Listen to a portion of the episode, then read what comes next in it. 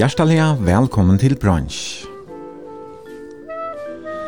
Dagsens gestor er 55 år. Hun er født, oppvaksen og bosidande i Havn. Hun er utbyggven blommedekoratør og starvast daglige i blommehusen av Holse i Havn. Velkommen til bransj, Linda Onedøtter Ålsen. Takk for det, Eivind. Og i morgen så sender vi et beinleis her ur stovene, heimatjat her, under glashedje i havn uh, nei, sorry, penthouse ubo her mitt i byen. her bor du sammen vi uh, Tveimon Sinon Tjadaren. Ja, Stefan og Marius. Ja, ja. så så gamle er det da, Terje? Stefan er 21 år, og Marius er 12 år. Stefan er så bare nå pappa, han kommer om alt mulig Jeg Ja, deilig bøtt. Ja, ja, ja. Og så er det en eldre syster, nei, eldre døtter, Terje har en eldre syster som Hva er hun 30? Ja, akkurat ble hun 30, ble 30 i mars. Natasha. Mhm. Mm og ja, hva bor hun? Er hun... Uh... Svenka bor hun sammen med Daniel Torkar Scheidsen og Tveim Bøtten. Ja, ok. Hver jenter Aura og Mira. Ja. Om, uh, om et døtrene? Ja. Som du pleier at uh, her var jeg først her? Ja, mm -hmm. skiftast. Ja. Hina, hina om man og appen og så er. Ja.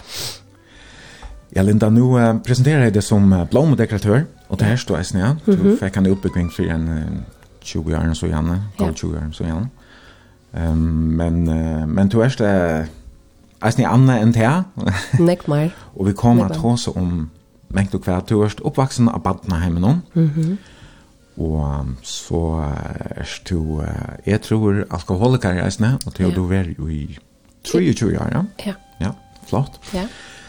Och där var det prata om eisne Löwe åren og, og 18 år eisne, det er bøyngene som jeg har vært. Mm -hmm. Og så er du eisne, eller nei, så er du erst ikke, men, men du ja. damer vel å svimja og i havnen. Ja. Vi, vi kallar ofte seg her falskene som dippa fire, dipparar, eller ja. havsvimjarar, eller... Ja. Du har så en av dem som, som hoppar i havet hver morgen. Ja, det gjør jeg. Og det du gjør til morgen, eisne? Eisne morgen, ja. ja. Mm -hmm. Og vi har mye, kvart over åtta. Ja fast halkom nødje vikskift nå, men i morgen var det kvart over åtta. Mm. Og vi er akkurat som i en bølge, uh, vi som svimmer i vikskift nå. Og de kom samme vimmer kvart over åtta, så jeg visste jeg skulle komme her på lunch. okay. Men tutsi, så jeg var vel fyra galt det, så det var øyla lekkert. Det var boost til dagen, og det fjerner og lydsynder av sånne sommerfuktene som jeg har beint nå. Ja, det var beint nice. Ja. Mm -hmm. Det är det är helt naturligt. Ehm um, det det kvar man låter det yeah. man ska ligga på blå heiter alltså. Akkurat. Men uh, apropå blå heiter blir man kalter och hoppa och check för. Jo, är er en kultakraka. så eh uh, men uh, vi snackade om om att vi att, att han knötten att här knappen är att uh, Jeg husker for en ekv. Jeg får ivrig hinn knapp, men handla. Så handlar bara bare. inte, ikke, bara. Vi skal bara ut, i vet at kjenslen at han er så fantastisk. Ja, ja det ger en fantastisk välvärde og en, et boost og energi til dagen, og man blir heiter att han. Så det är en utrolig god känsla. og det är en til som, som ja. er drive i, i, i til. At jeg møter opp hver morgen og svimmer. Ja, ja. helt sikkert. Hva er det at det gjør der, altså? Alltså det är att patchen att här vi handla, alltså handla ta flyt med handlingsprogrammet, um, alltså att um, se långt tid att titta out och gott vakna upp morgonen väcker i källes och så också nej morgon för inte och så kanske 5 touch minuter ifall alltid en timme upp. Hvis inte mer och en button jag mer tror jag. Det som att komma till testa jag kvar så tar jag out om affärer. Og jeg kommer alltid her til hver det så handler. Altså. Jeg har en vilja, en vilja her til at mm -hmm. komme frem til en løsning, eller til at gjøre noe godt for meg. Ja. Og så har jeg ikke 25 minutter, så har vi ubeførst meg om at det er det beste å gjøre, å starte dagene på, og ja. så pakker taskene, og skjer opp til lundene, som jeg synes gjør kvendt her nå, og Her oppe, altså i høyvilsene, eller? Ja, så det skjer. Så der får jeg sne. Ja. Jeg synes det på skrev. Ja. Mm. Men det her vi at hoppa av kjegv, i eh ja kvart 6 8 grader eller hva er det? kvart 5 grader eller 1,9 ja. Men det gjør det vel, akkurat vi i kroppen och kanske som sykna. Ja, absolutt, ja. Det är styr psykiskt illa fire at jeg svimmer, men jeg vil påstande at det er godt for, för nekv alltså, ja. Och jag vet att nirra hade brukt det till mammor som har haft födelsedepression att mm. tar mammorna skulle svimma att hitta gärna, ja. mm. Ja, det ja. ger en fantastisk energi och annan välvärre och ja. Ja. Ja, det ger att alla vi kroppen man ja, ja nämligen. Ja. Inte finnar vakna och Ja. Mm. Jag har hört onkra sagt fra att jag till eller gott mot tempomonen, men det är helt sjukt ut just. Nej, helt vis. ja, nämligen. Jag är inte här uppe då god tjej. Men det är ett annat det händer också kroppen när man ferie så att evil lives is Ja, och ja och du ja, man kommer så att sjula kontakt vi kroppen just att du är vatten och det och andadrotten, jag brukar andadrotten mer du är det vatten och ja. Och där rör ni visla. Alltså och du så rör inte svimma så där, nej, men bara flota och antan in och och föla kroppen och det gör ju så i morgon Ja. Ja. Du nu nog det mer som natten värre, men frivilligt ju. Ja. Ja. Jag tror jag har haft um, om och bötten här ja. av Vichan. så. ja, eller jag var utsatt hemma. Och... Det var ju mätt annan något uh, i Tjärreisen. Så, är så jag tycker väl att det här larm ju på innan nästan. Eller, Nej, jag hade inte så rana nej. Nej, det generar mig inte. Slett inte. Nej. Jag var utsatt dötterna i natt. Jag var på innan så jag hej om dötterna. Så jag var utsatt hemma. Ja. Annars när man så kommer upp att ur, ur havnen mm -hmm. så inmyndar man sig kanske att, att det har varit öjliga kallt. Att komma vater upp och igen den här vintern och så. Släcka. Det är det det som är så otroligt fantastiskt. Det här kroppen blir sådär hejter. Mm. Ja. Och det han leder åter eller helter på hitan alla porerna lukkar sig. Lukka, ja. och så lukka åter ja. Så följer man inte kultan på samma sätt. Släkt släkt överhöver så shot med det vinter. Så i vintern heiter. Ja. Och kan det två år sedan du började på Nei, det var tvunnet, ja. Jeg svom i nekvar, faktisk. Jeg svom i vikskiften, ja. Sen okay. Sandagjere, bryr Sandagjere. Og var sånn igjen høyvitsna, og Men det var best høyvitsna til her slipper fra sanden. Ok. Ja, ja, så har vi ikke alt det, her Vimmerheim eisen, ja. Og men det var mest følt her oppe, ja. ja. Det er eisen samverden vi, vi til føltsene. Mm -hmm. er, midt i vike er klant 6-4, svimje, som har noen øren ørenføltse, og her er en øren ørenbøltse. Ja. Vi som vidt samskiftet i Messenger. Mm Og vikskiften her, ja, jeg tror nesten skjeda, men vi nær nærtjen bia i vikskiften, og det er fantastisk. Ja. Det er, det er sånn frihet, altså. Ja. Som god skapt, men i vattnen, og jeg skal ikke opp og ta noe kaldt det, og jeg svimmer drakten er, altså, ikke, hun var at hun kølta ta av, va? Ja. Det gjør jo så vikskiften, men vi er i sånn tushpunkt hver, bare vi er det. Mm -hmm. Vi nærtjen bia, og for ikke at, Uh, Hva skal man si, ja, for jeg er ikke, inte er är for för se, at Det er någon som ikke damer til, og frivillig vi tog og det må vi där respektere, Så, ja. Mm -hmm. Så det är alltså bara i, i veckoskift någon att att det gör det. Ja. Men um, ja, det är, det är ju är uh, frukst. Ja, ja, och det är frukst. ja, kallt og frukst. Ja, ja. Mm -hmm. Mm -hmm. Men uh, vi färra så att sända nu i uh, två timmar, beinleis, her, uh, ur ja, mitt på innan i havn kan man säga. Mm -hmm. Mm -hmm. Och för att ha så mängd och kvärt um, vi färra eisne spelat tonleik som du har valgt. Mm -hmm. Hur ser du där vi uh, tonleik har du lustar nek etter tonleik i Jørgen Løyven? Ja, det har vi. Elsk musikk. Det er noe ja. som kommer gledan. Mm -hmm. Ja. For jeg løyver kroppen, og jeg har dansa, og ja, og nå var vi nere mentner något, når det er skjedd det samme, og vi ser det, altså. Mm. Ja. Det er som, uh, Jag kan filmen happy feet. Där musiken begynner så så är som också hänt i kroppen och vi tar hår rör och och ja, fantastiskt. Mm. Älskar musik, älskar glädje musik och mm. Så du alltid tar väl ganska dansa i snälla. Mm -hmm. Ja. Ja. Du har uppvuxen av Badenheim nu och här är ett klaver minns det in i här tja, tja mamma privat här Jag bara när platt jag spelar och näck jingle klaver, kus vi vi tar så där. Jag hade vi skuld, är skuld. Jag skulle gänga klaver men det är inte närka som är tömt det. Alla inte ordet att måste söka bein alltså ja, det är så. Ja, det är bara något som man gör det. Alltså i mer där man blir så lustigt musiken och dansa, inte inte spela. Nei. Nej. Ok. Det är inte alltså ett ämne som jag har. Nej. Nei, nei, men du har jo valgt uh, nekvann gåan tonleik. Mm -hmm. uh, er, sind det blanda um, bei at fra badna og ungdomstøyene, og så okkur som ganske er sinter langt oppi tøyene, men det meste er nok her fra forskningen og femsningen her, ja. Mm -hmm, mm -hmm. Og den siste sangren, han ligger klar i det det er um, Stille Dan, som ja. uh, framfører uh, Vet du henne som du har lyst etter? Ordanek, ordanek, ja. ja. Men de er vel hans her musikk, stadvek det. Ja. ja minns du hver du hørte uh, uh, Ja, det var, jeg vet ikke om jeg skal si, ja, ja, det var under, nei, um, altså det var akkurat han tøyen, han altså det var kakkatøyen, ja, mm. man gikk her bare en spalbol, og ja, jeg var en skjønlig her eisene, og ja, Jag tror inte nämna några namn men um, nej. Men uh, de som de som höra han de de, de minnas det att hon mm. samma med mig. Var det så platt vi var mitt i veckan när hon spelar pool eller vad det mest Ja, där kom du komma fyra. Mm. Ja, det var det. Mm -hmm. Men Henrik Foss var en uh, super sanker. Han er. Ja. Han går. Og så kan jeg lukke eisen minne av en affærsrett at vi sender altså beinleis, og tapper til at um, sender en vimersing, en halsan, et langt kranspurning, og Facebook-søgene til bransj, det var B-R-O-N-S-J, etla som sms på til 22400. Nå skal vi ta høre stil Dan den, og Sanchin Hey 19.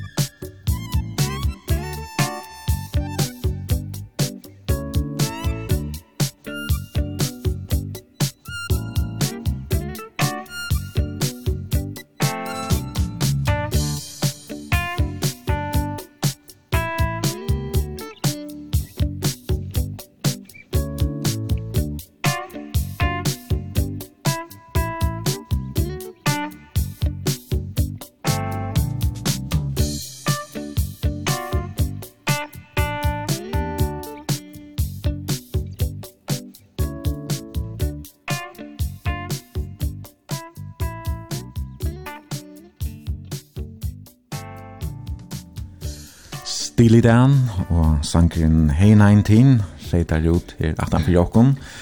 Det er Linda Onedøtter Olsen som er gestur brunch i morgen. og vi sender beinleis ur stoven her med Linda under glashedje og i havn. Og ja, vi sender selv sagt beinleis så to som lustar eisne kan senda en av immersing, en av helsan, langkla spurning av 2400 eller Facebook-synet som heter Brunch to og dekka lekser opp i morgen vi vinabrei og frukton og kaffe og så ingefær uh, er det hva det kallar det? Ingefær ingefær shot. Ingefær shot. Ja. Det er som jeg gjør det. Jeg tror ikke at, hva skal man si, whiskyglas kvann morgen, ikke så lite snapsaglas. Og det har gjort en ekvar, coach deg selv, Mm. Ikke for utlokk sitron og til noe som jeg gjør det her, jeg fikk konstatere at jeg har slidgikt. Mm. Og det har helt det pynna vekk, som er så... Deilig for fruskande atmosfære. Det er det. Jeg snapper som morgenen. Det er skrevet sin der nøsene, eller så det er fer i nøsene, det er ikke fer, men, ja. men det er lekkert. Ja. Mm -hmm. Linda, mm, du erst uh, født i uh, 1936, det vil si at du erst 55 år. Mm -hmm. Og du født i Havn, ja? Ja. Og begge foreldrene eh våru førisk. Ja. Mhm. Mm pappa min eh you life ehm um, Nu kjenner jeg ikke så vel pappa min. Pappa min er Julef Jakobsen og arbeider i telefonstøyene. Her er ikke kjempen ved han. Og mamma min er Ona Olsen, eller er Ona Olsen bare et vei i bæren. Ona Olsen og Og jeg skal være helt ærlig, jeg kjenner ikke så vel bakgrunnen til at han bavon. Jeg halte han er at detta ur Svune og hon har familie i Skalavik. Okay. Ja, men og och hon arbeidet i Eisne av telefonstøyen, ja? Ja, det er i arbeid i Telefonstøyene. Så det er ganske mm. her romansen til dem hun oppstod? Ta stort av romansen, ja. Ja, ja. Ja, ja du, jeg har vært syskjen som er ankommet med, eller holdsyskjen fra pappa som minna, minna sjuje, ja. Ja, ja. Så det, det var helt stort i middelen til, og så et holdsysken, så, så kan man så umynda seg at støvene jo kanskje ikke være så Nei. Eller heppen tja tja timon ta. Nei, og slett som mamma tycker jag till Nei. Nei, nei. Og nämligen. Och det är stort at det er, det ja, er ju för när av nämligen. Ja, nemlig. Mm. Så som uh, tveier år gammal allt, ja. Ja, så... två år gammal ta till dig måste og mæren til henne med en ena vad. Mhm. Ja. Så. Men har du annars um, familie, altså, nu sier du du kjenner øyla lydet til bakgrunden til pappa din og mamma din komst nok heldre omgang i ordelig i samband vi ja. Hvordan vi omman og appon eller sysna bøtnen hei du nega og tog? Jeg har sista bøtnen ikke så fast forhold til um, nækran av dem, og helst til holdsisjen i jammer, og den eneste er faktisk havet, så er skott og, og, jeg har godt samband vi er um, Elin, som er døtter uh, Mostminare Edne, Ja, jag har bott i Diamond. Mm. Ja. Hon är systerbarn. Mitt systerbarn, ja. Hon är hon är som en syster för mig. Ja. Ja. Okej. Okay. Vill jag säga. Och annars så har du uh, fem halvsyster nästan, ja. Fyra från pappa och mamma. Ja. ja. Och så en halvsyster. Från mamma så så ja. Ja. Petra ja. som vad är hon yngre än du? Tjejer yngre. Okej. Okay. Ja. Ja. Så du er oppvaksna på Patnamn och faktisk ikke haft sälja stora familie, så du kanskje heller ikke inte jo färra sånn jeg som Patn så er så ja om hun har på den lille siste bøten under et eller annet, det er bygd big till Nej, jag vet jag måste men och du är uppe i i här konka minne här bo måste man mamma bor jag har jag har någon men det är inte några alltså inte några fast och inte slett inte ofta alltså att ehm Ja, nu er det så at jeg kunne ha en badnam som två år kom. Jeg Jag fört sjockt att skolan jeg var av min badnam. og det var sikkert en som svinner och sjö.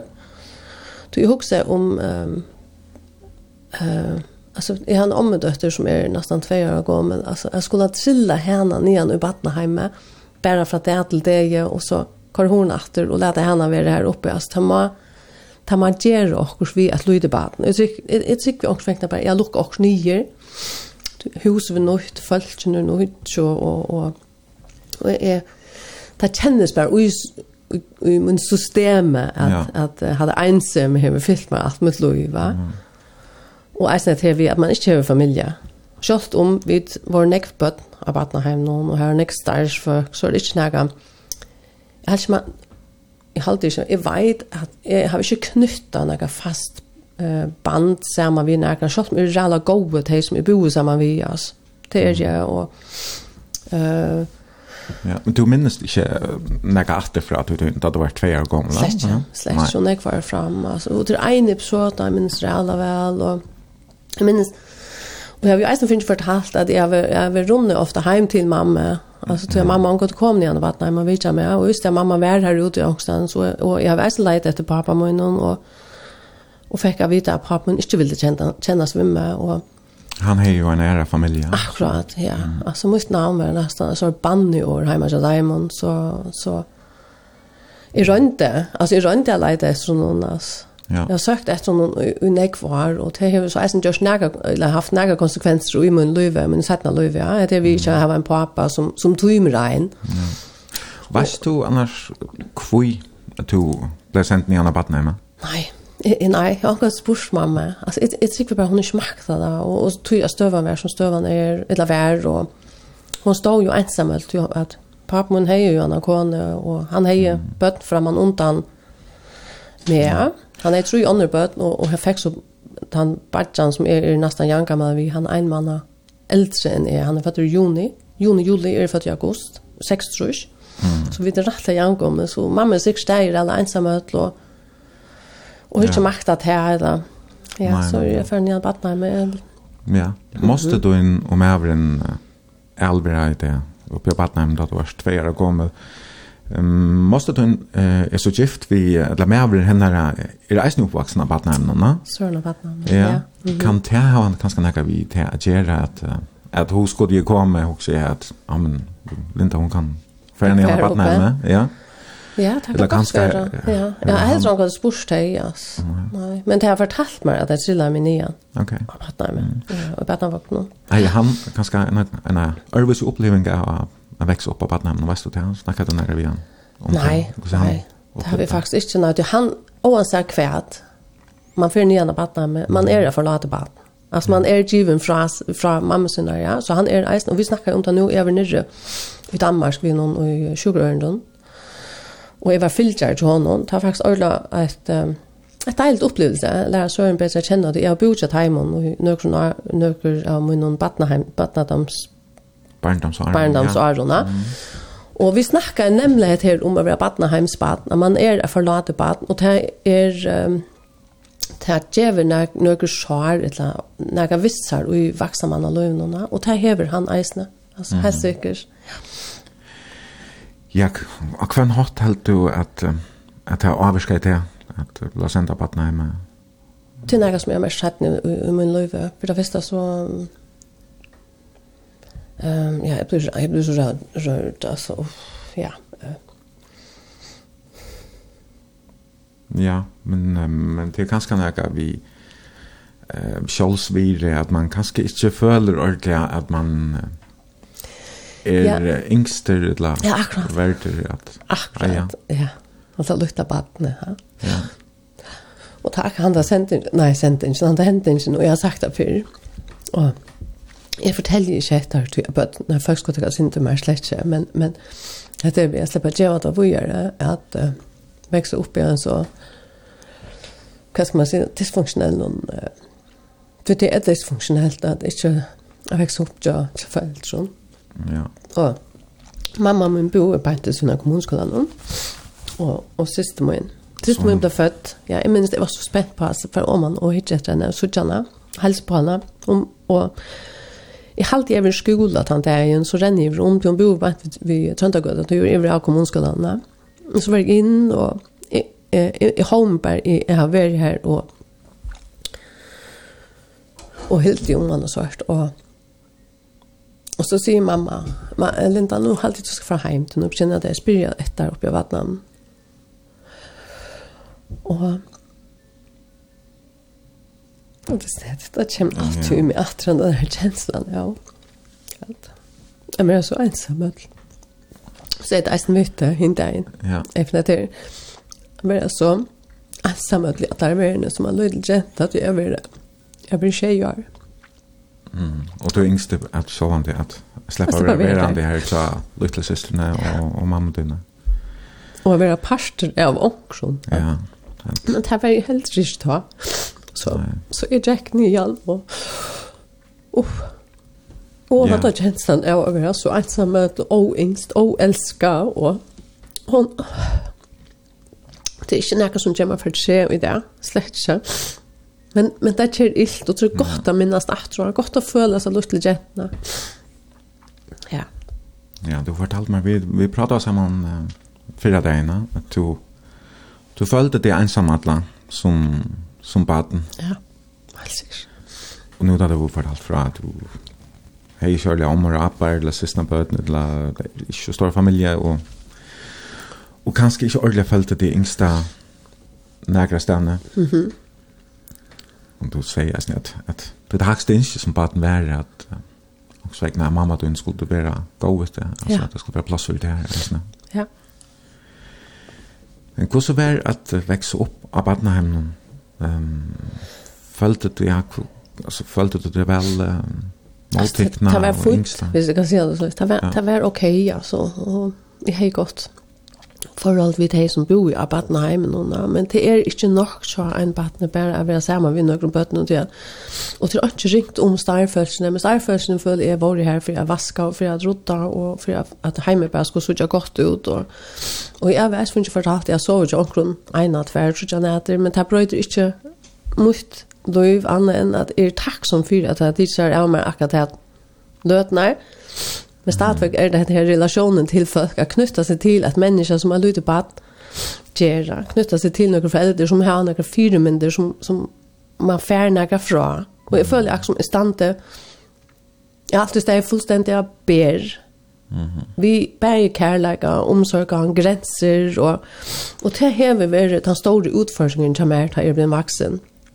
Du er ble eisen mamma, og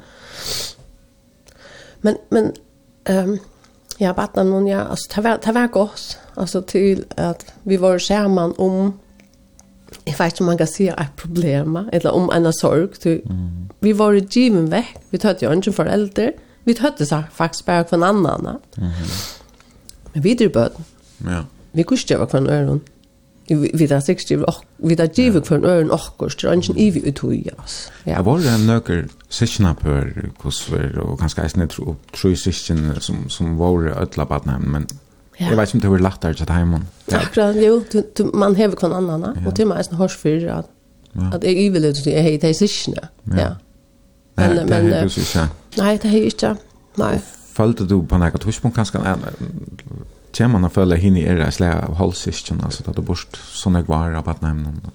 Ja, det gjør man sikkert, ja. Det er alle gode. Altså, du vil heve det samme. Altså, vi, ja. vi kommer fra nøkron... Uh, ja. ja, absolutt. Men man, man hever noe spesielt, altså, til at, og det er, altså, jeg kan nevne Oscar og Kristi, du vet, jeg har vi Badenheimsendingene, og det er, det er ikke, heim, men at jeg nevner det her, jeg har nekka særligt i for nøkron av bøtten av Vatnaheim, til vi var jo her sammen, og nek var, altså. Det var jo nek, til periodene, ja, ja. altså i halvfjersen, det en trus bøtten, eller også, ja. av Vatnaheim, ja. Ja, kjent menn, drangje menn, minnes til Oskar Bro, i drangje menn, og her var sånn glas, hår i middelen, og jeg har här alltså men nekva gå då det där taskar så helst se alltså det det er helst yrkes men men hittar eisen fyllt nek, og det her omsorgarnas vikta og alt det her, som, som fakt, faktisk først viser seg og, og mestes tar man blir eldre. Mm. Man vet ikke hva det er tar man er baden. Man vet ikke hva det er man mangler tar man er baden. Mm. Man er ui hæsum Så jeg, jeg, så var det eisen at jeg ble krenka seksuelt av badenheimen, og altså, det var så ræla nek. Hvordan gammel var det da? Jeg var, jeg var, hva det har var, om man var 20 år alt, ja, 12 år. Ok. Ja, så det er hent. Ja. Så ta til å være, det er vært snitt å gjøre skal jeg her, du flytte nyer vi mamma dine og søster dine. Ja, mamma flytte nyer, vi, vi søster mine, vi, vi pappa, søster mine og søster mine og ta vær fra det til det jeg ble byen om det. Altså, jeg tar ikke, jeg får hjemme bygge hva mamma først, jeg får fra Batland til Danmark, så faktisk jeg ikke hatt her tatt forhold til mamma. Jeg kjente faktisk ikke mamma. Altså, og så får jeg til Danmark, er vi mamma og søster min er, som jeg helst kjenner hva forhold til, og, og pappa og søster min er, som jeg slett kjente. Mm. Og jeg får nyer, og mamma drakk, men jeg var nyrre. Og til at eisen her i fargen, altså, er det her første Hun har vært tog jeg skal, og jeg minns ikke om det var, ta hun åtte Petra, eller om, om, om om 18 år vet jeg at hun gjørst. Okay. Ja, det vet jeg, men, men i Danmark drakk hun, mm -hmm. Og her er det atra svikt for meg, altså, her er ikke noe omsorgan, og det er ikke hun som tok seg av meg. Det er faktisk jeg som tok meg henne, og jeg skulle bæstre henne opp ved å kjøpe uh, rett martini, som jeg hadde lukten av i det. Mm. Eller hadde det så, til så hars, men som ikke også lukten i det, at det har noen kjele minne visser. Og jeg minnes det eisen at jeg skulle sykle ut sent om kveldene, og man og, og, kajerna her, her var en sånn kiosk. Altså, ta Eva Louise till minst det var en lenge vever. Det var godt for det stitch ju där att vi der vi forholdene, da man låg till och så tog man blev vuxen men det var en lenge vever for meg om kvällarna när jag cykla. Och man og i kajerna att jag bara lärna at hun, hun manglet i det här. Så det var eisen en svikt i seg selv, men at det her, altså, at det ikke var valgt til, at det var valgt fra, og jeg skulle daga arbeidene, og mm. ja. Men tid, uh, altså, du säger att de flyttar ner vet här så ser man vi pappa siste dine altså de får ner Han sylt nek vi ute. Ja, men han sylt i ute. Ja. og han er godt starv i mersk Ja, og mamma den var hon så hemmagängande då eller Ja, hun arbetade ikke Mhm. Nej. Men det var også vi at um, pappa bajstun og mamma Nej, nei ikke pappa bajstun, det är pappa syster min. Bajstun, pappa syster min och mamma min. Ah, ja. Det är drusche samman och og fløskene hopper seg opp inn i skapene og jammer, ja. inn i kameran. Mm. Og en dag så legger han mersel der på precis mine, og spyr meg om hver eier seg fløskene, og jeg tar ikke å si at mamma min og patje hans, han trus mm. høy trus der, ja. Men jeg kom så og uttaler meg, og Og den neste jeg visste, jeg vakna jo opp til, det var at han hei korstått nød. Han hei blæga mamma, og omma var her da. Mm. Men jeg skulle se avvisan, der, der var det da jeg vakna jeg og en forferdelig skuldakjensla. Altså, skuldkänsla. han jag ikke, gente av voa. Altså, nå er det mye feiler at vi skulle flyta. Och där tror mamma så slætra, och så där. Ja, faktisk da. Og mamma drakk. drack. Och hon tog ju apeln alltså alla pyjamer mun här runt. Jeg jag siste min for ni alla med. Og vi tar så väl her. Jeg vet ikke hvordan långt sist min var där. Men eh, ta er det er feie smakken for alkohol. Mm Alltså i halvtid det börjar vi vi öl. Ta var pissöl när det rätt då. Mm. Ta rika inte sukrör och vi alltså allt matar och allt pröva vi runt vi men mm. vi har så funnit fram till bädementyren och finns brist tantui taver och taver lösnen för mig alltså mm. bara taver ta gjort den jag med mig alltså bara släppa från mestra för lätt för till och mm. men du fortalte så att du, du du nevnte at du är väl utsatt for sexuella misbruk, när ja. du kom åter ur ja. Danmark. Ja. Ja, Ta pappa så... til en um, något som var i namn. Ok, så det var ikke noe starspelk någon här. Nej, nei, det var det ikke. Nei. Og det var ikke noe som um, som några lägger mest til eller det blev tås. Alltså är Atlan du har haft han uh, och eh uh, har haft här födelse av att folk har vita eller onkel har vi vita av det är var inte den enda. Det er helt sikkert. Det er andre vimmer som jeg har opplevd det som jeg har opplevd. Men uh, det ble ikke kjørt noe vitt. Jeg vet ikke om man husker et av, hva skal de håpe i håndtekster av det? så jeg ikke blir utsett for noe. Og, og kanskje jeg synes at du blir bensjen for uh, Jeg vet ikke, nå har du akkurat vært jaknet her i Danmark, her det var liksom at hun skilt at det blir smittet i ut, for at du kanskje ikke tårer at, at du fortalte. Og så har man eisen om at bøtt som ble svidgen, da det er helt løy til, um, kunne føle at arbeid, så kanskje føle, ah, nå får jeg endelig ja. kærlighet eller oppmerksomhet, anker som er god med meg. Altså, selv om man blir misbrukt. Det sier han, jeg spyrer det. Jeg halte bare at det var nok, at ok, det er godt nok for meg, altså, jeg... Du oppfatter det kanskje ikke som misbruk akkurat da, det var det kanskje mer... Nei, altså det var ikke beheiligt, det var det ikke, men, men jeg vet ikke, det var... Det føltes bare ok, just, det føltes ikke ok i forhøvelse, men... Men, men anker som engste ja, til, Ja, akkurat, ja. Altså på en skaiva med hatta, ja, altså til, til faktisk ordentlig å hona litt, at, at man som bare bare tenker litt takka vi til, de er ikke ferdig noe annet. Ja. Nå blir jeg ho. Så det var ikke noe som Nägar tog hand om eller det blev för det en gång det lagt alltså. Och vad ska sonen så han ringde till mig flera att flera år att han fortalte mig han var sexuellt missbrukt av pappa sin. Så. Mm. Ja.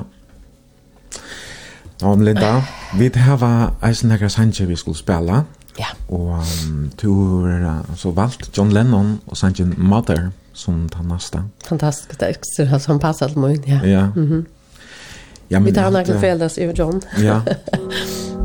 ja. men jag har alltid att uh, vi kör han bara från här. Mhm. Mm Og så kunne vi da eisen lukka med nå. vi sendte så beinleis, og tusen lust er velkommen å sende en helsan, en av vi mersting, et langt spurning, og 22.00, et la Facebook-syna, som heter Brunch. Vi var etter om man har løtta løtta, nå skal vi ta John Lennon og leie Mother.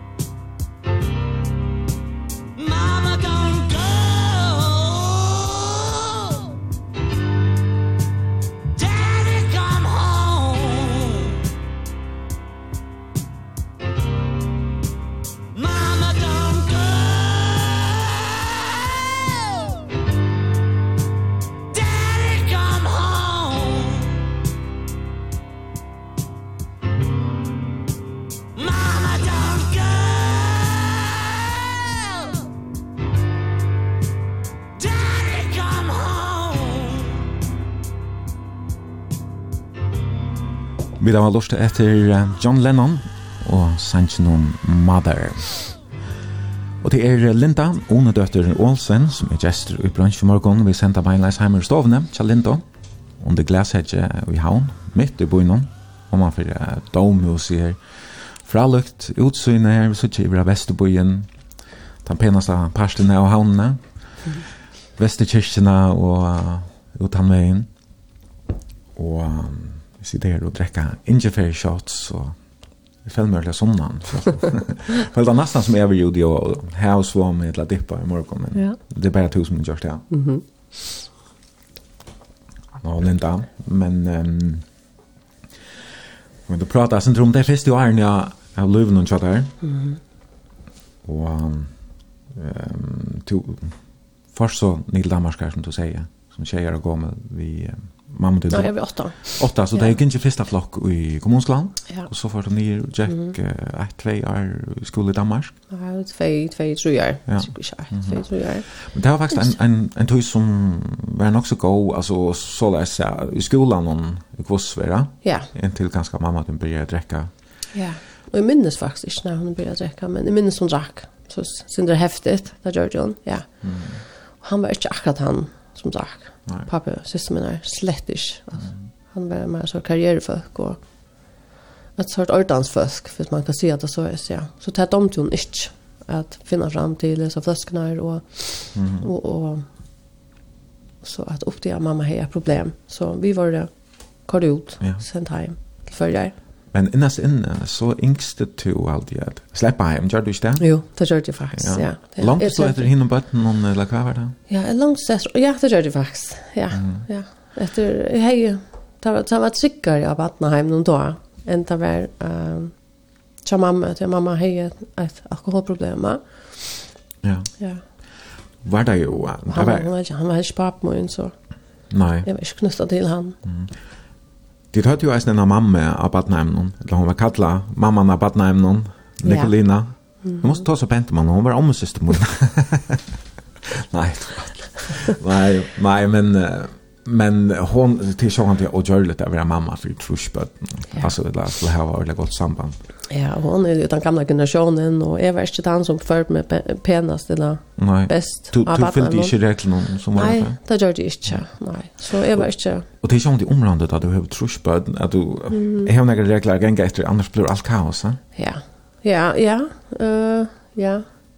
Var det, Men hade var en annan tui, jag finner att det var en annan tui, du kan inte förvänta att trusböden som är kommen, som är given, fra, mm. eller kort av, av barnen av föräldrar som är föräldrar läsa ja. och för sig bänt. Så Vi har här har bor också stå i ja, alltså sorg och vreje och och svikt och kvart vet jag. Alltså mm. jag var en av dem som gjorde upprör. Man ja. man säga. Ja, som som saknar jag också som manglar jag också och som som skrutjar röpte efter kärleka omsorg an och du alltså, du heja är snett att stroj alla tunna att så mamma din hon var där och du visste hon var där och vi först vart och samma vi henne Och så sände hon den ena till Barnheimen, bara för yeah. hemma. Ja. Så du har haft ett, ett ströj i nöjda kjolen, allt vi har ängst att hon får att bli gå ut och jag tar dig hem. Men han kanske omkrar hinnom någon som var lärt en Barnheim någon långt som ett tvejar år gammal. de har bara accepterat att det är mitt hem och de har slett inte känt föräldrarna över så, så det här är ganska slett överhuvud hur vara det här ströjet det har ganska inordnat sig under reglerna och haft lättare vi har fyllt uh, ja, Ja. Tambon det fick jag upp. Akkurat. Ja. Ja. Ja. Det är mest i sentingsna Badenheimsbörden är det var sånn det mest kvoss i man uppfattar ja eh autoritetene her oppe av i Badenheim, starkstolsen og. Mhm. Och det som innan så fyllde reglerna de fick en en lønningsvegna. också vägna. De fick ganska sent det sent bättre behandling eller något annat. Absolut. Och så så jag fyllde reglerna så Det så ganska Nej, uthus det. Ja, det ser jag. Tack så. En en curliga vi för. Ja, ja. Och där följer jag snäva vincha. Alltså guppen av batten, han var god öll. Ja. Det var mera han här omsitsen så där. Som inte har mött med så som hon mötte andra som hon följde sig pent. Men hon var den gamla generationen, inte tog att man försvärar henne och det. Jag har inte haft det bästa upplevelsen så med henne och i han som har en minns hängande av henne inne i stovna som andra har. Mhm og som ganske var en fyrirmynd for deg, og det var hun ikke for meg. Og jeg var jo eisen en av heimen, eller jeg, jeg, jeg, var, jeg var den eneste, og i min er som ble sendt til Danmark her, tog at jeg var så avstyrelig i. Mm.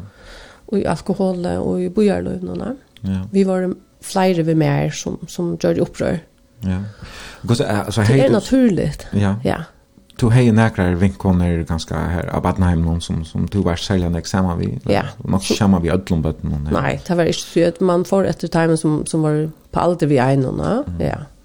Och var det her, er det som stöv som du...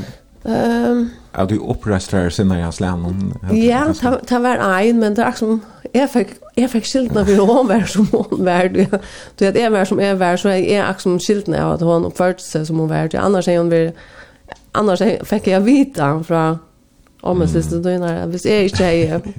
Du visst vad vi kallar han för min syster. Nej, mamma har barn namn. Annars är hon annars är hon först pent. Mm. Det var min skyld. Det var visst vitaliga min skyld. Och åter här. Nu tar jag också akkurat nu kämpa timmen. Så det var min arbete. Alltså nu det är som var årsöken del av hon och först sitt la.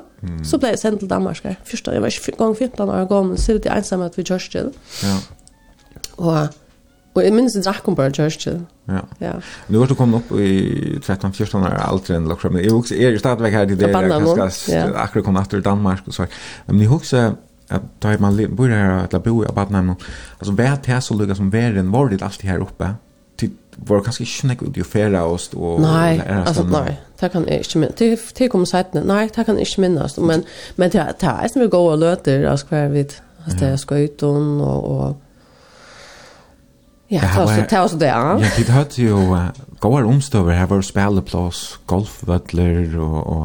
Han har ju inte brukt. Nej, okej. Det var allt lärare Alltså, jag minns att uh, andra underböden ofta fantasera om att släppa Big Bob Battenheim någon det vill helt det här det verkar så spännande och här var sån ett böden och man slappar allt ja och man ja. kan spela allt möjligt det var det var störst spelplats och kassabilar av imsson slä som man inte har i ära stanna och, och utifrån virkar det som att det var paradis. Ja, ordentligt dullest. Ja. Ja. Det är som hemmet av Michael Jackson. Men lukka mig. Um, uh, mina vinkoner, där vill de eisen släppa byggva vattnet. Mm. Ja. Ja. ja. Men är du säker på att mina vinkoner hade inte funnit på akkurat spötten så här i vattnet? Nej. Nej. Det så idyllist ut, og mm. det er sikkert eisen vi godt, men, men man bare ikke finner hva skal man, hvordan er det da alt her som et lydebaden skal her være?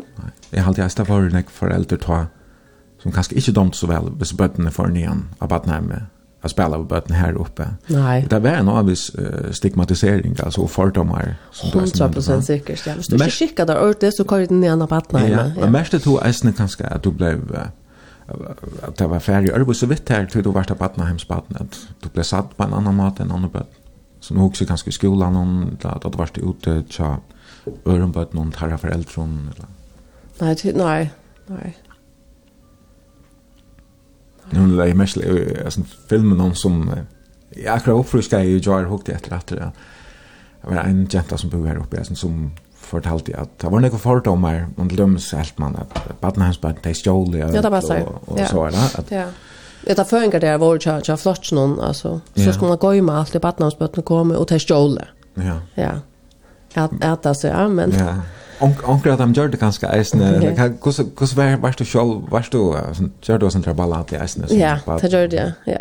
Så uppe uppe på vattnet där var en semekonna som heter Katrina som er er var där gå vi og som er vart sick vi.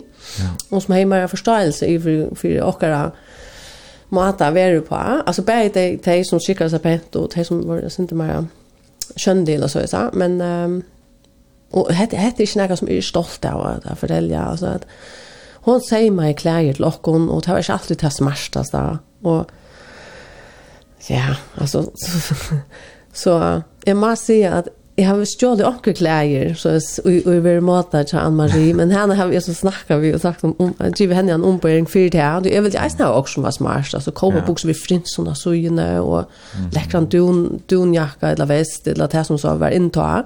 Det var så som vi vinge av vattnet någon så Mm. Ja, det må jeg si at det har vi gjort og ja.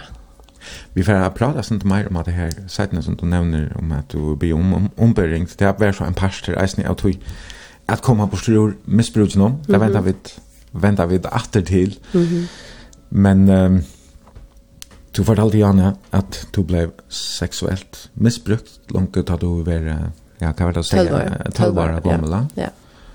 Og um, stått att han så började då isen kanske att kika där ett la ja. alltså gänga på innan och börja träcka helt då det några samband vid det här Ja, helt säkert. Och ja, ja, men det är ju inte bara alltså det var isen en par stad ja, men allt det här som behöver vara framan undan alltså att mm. att, att um, svikt, omsorgarna svikt och, och skammen alltså som bad mm. att mamma inte kom nian och och vill de ha med och allt allt allt var allt fra och så kommer som även här och ja, alltså rotsträcka gör det några vimme och fyra med så så det var långa bena vägen att jag tror jag efter tog ju faktiskt. Det är ju så drack vem det att det var det var inte men är sagt.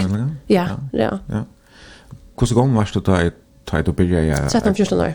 Jag kan inte bo inom mig snä. Ja. Ja, det gör jag. Och det minns att här tatuina tar man var nere i i vacklen någon bilarna börsa jag taxabilarna börsa och tar var tantoin kvarta var dementyren og, og finsprit, altså ikke minne enn finsprit, altså mm. ta drakket av å være så ung.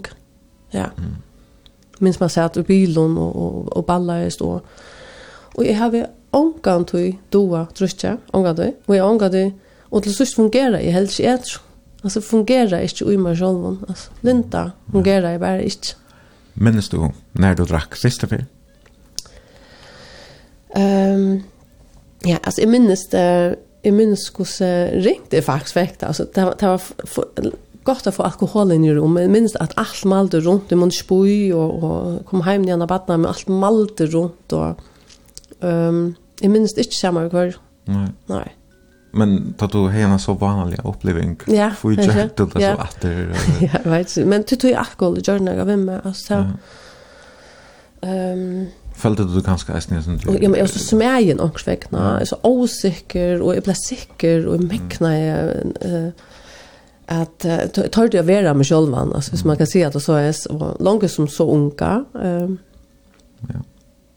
Det som alkohol gjør det for meg, det var det ble et en retninger i min liv, faktisk. Ja, det var jeg var faktisk ikke hvordan jeg mekna at møtt min er først du som 13-14 år gammel. Hvis du skil meg. Ja. Ja. Skil meg. Ja. jo. Jo. Eh, helt sikkert. Uh, jeg skal bare huske jeg om kvann kvann fellesskap du varst ute av om det ganske være jeg om at du følte i en lærer jeg slag av accept eller det at du varst cool eller et eller annet um, til at du har begynt å drekke og gjenge på innom um, Og det gjør det at du ble parster av en fellesskap, altså fikk nekrar, nekrar viner eller et eller annet. Det var også som du søkte her, tannveien. Alltså det här som som uh, alkohol och det kom från det, här var ju nekv äldre än vad vi var. Det var ju några andra barn som som uppsökte det. Mm. Så ja, det det det du jag allt det sig om det här det, här alltså Och vi hade ju inte felax. Alltså det här var äldre det här som åt jag sprutter men det var bara alkohol mm. som gjorde när jag vi med och tog uppsökte jag faktiskt alkohol. Ja. Och om man uppsöker man ser det där vi är eh, krakar så gamla eller det här. Alltså jag uppsökte det i fältet som som heja som hötte. Ja. Alkohol. Vi var i första några gång. Vi hade inte eh kan man säga vi vi kunde köpa det själva. Nej. Nej. Og ta kunde du bare beställa det ta, og som du sier, eller köpa det på börsen som du sier. Vi köpte ju gång, vi fick det. Mm. Ja. Ja. Och sen att skulle lære deg at fire, så. Ja. Mhm. Mm okay. Men det ble så upp det ja. Av koppan om la mammen, eller onkelen og barnen, onkel med hans slätra. Og det enda ja. vi at du blev sendt nye som 14 år gammel. Ja, ja. Mhm. Som du. Ja, jag var skönlig, jag var skönlig att jag drack. Ja. Blev ytl och blev hvis ikke græt så blev vi ytl og alla de her frustrasjonene som var i meg ja. Det her kommer til sånn kommer, uh, hva skal man si uh,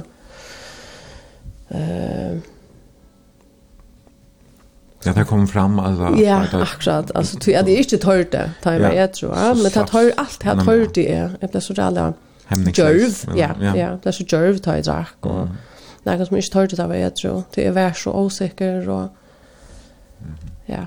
Minns du var det några av oss händing som som utlöste det här att du skulle till Danmark att gänga skola var det att han Nej, det var bara det var bara att han så är flyer för alltså i minst är och två är från Patnam någon vi tar det väl ute och och kanske var just sin helversk. Ja. Jag vet inte om det här som var droppen så timen av Patnam någon. jag vet att vi väl uppe på hotell för och nice och um, brått inn i kjattlaren her bein, og leide etter alkohol. Mm. Ja. Jo, det var i ordentlig med skjolman her bein, men altså, at det är det at man, tar man, ja.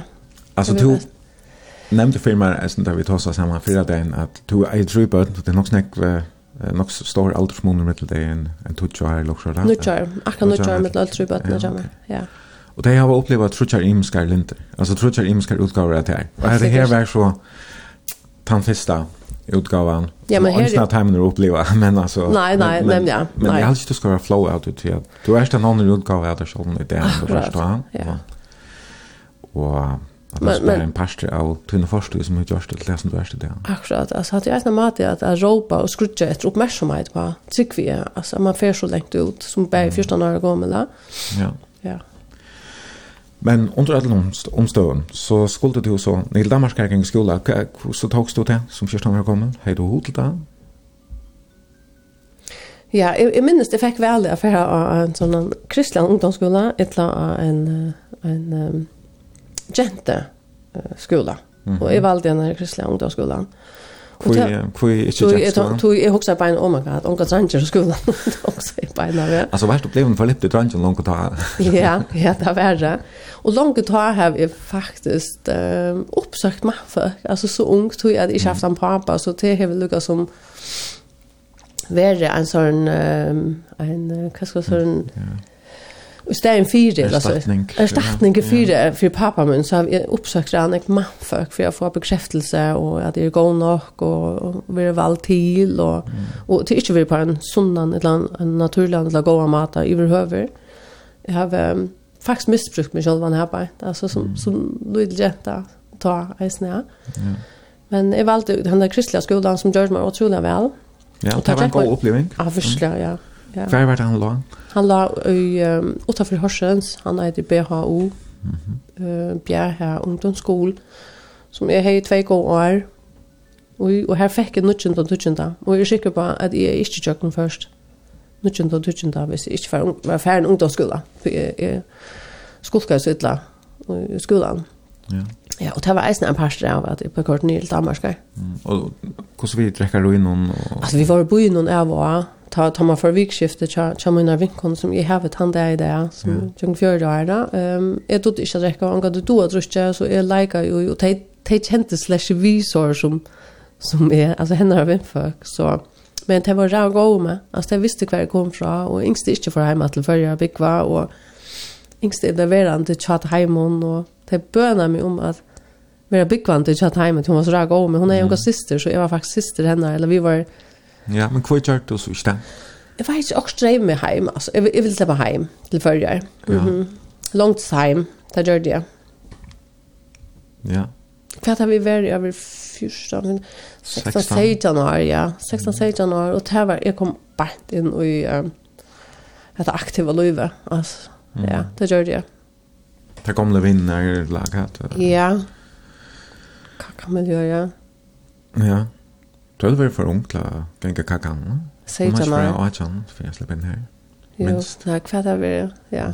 Nej, vad ska ta slett kakan? Det var, ta vi, uh, ja, det var, Ja, jag var gamle klubben, eller diskoteksklubben og kvällåt, eller så. Ja, men man satt alltså mera och ta började her, vi... Um, Svampatøyen og...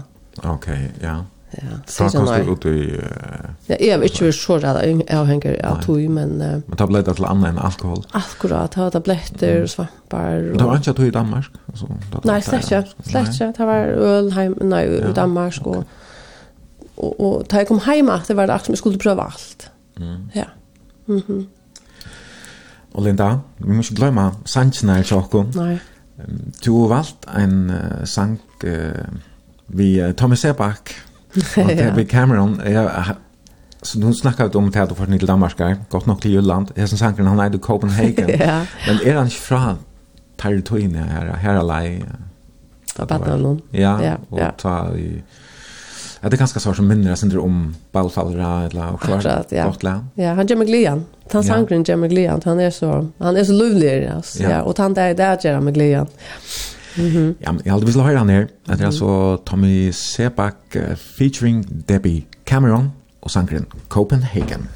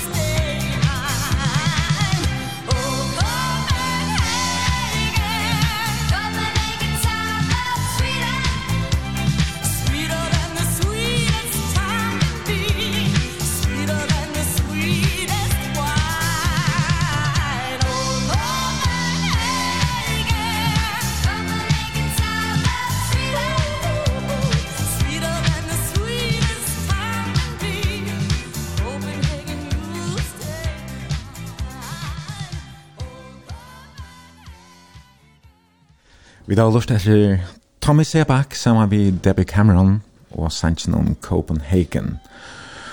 Og til er en lortar som um, har sendt en helsan til og skriver Hæsen minner meg atter at diskotek Dallas. Fantastisk tog. Ja, ja, akkurat. Det er ta, ta, ta. Ja, ta tog innan. Ja, det være, ja, fyrst i forsen, eller fyrir helst av forsen, kanskje, eller. Ja, men det er altså brunch, og det er Linda Undøtter Olsen som er gjester i morgen. Og vi sender beinleis i stovene hjemme til Unne.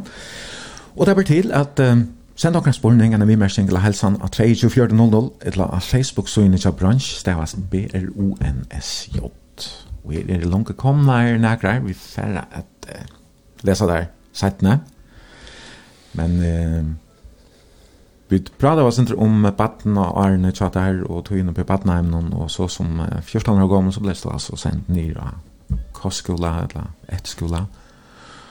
Och det var faktiskt eh, senaste färd til å boe av Badnaheimen, som, så, eller som Battenheims baden. Akkurat, ja. Og vende jeg alltid settene som arbeidsjenta, ja. också som tekstarbeid oppe. Ja, ja. Men da du så kom etter... Eh, som 16 16 år gammal först alltså inte på Adnan kvar kvar första tag. Ta för hand måste mina och mannen känna. Mhm. Mm mm. Och så var måste som som koordinerade på Adnan där det var två år. Akkurat. Ja, ja och Sören på Adnan. Ja. Etna och Sören för hemma bygga till tja och till här Ellen så snabbt man kommer. Mhm. Till föräldern känner så jag bor ju hemma i en av och Det var nog så tätt där. Hon var det tättaste och tog tog hej ganska att en familj eller en syster. I det? I det, ikke det ta som... Slett inte ta, nei. nei. Hun var... hon var... ja, Alltså jag var en helt annan sted i min liv än kvart hon, ja, hon var ett år yngre. Vi tror jävla väl i det, så jävla god igen i det.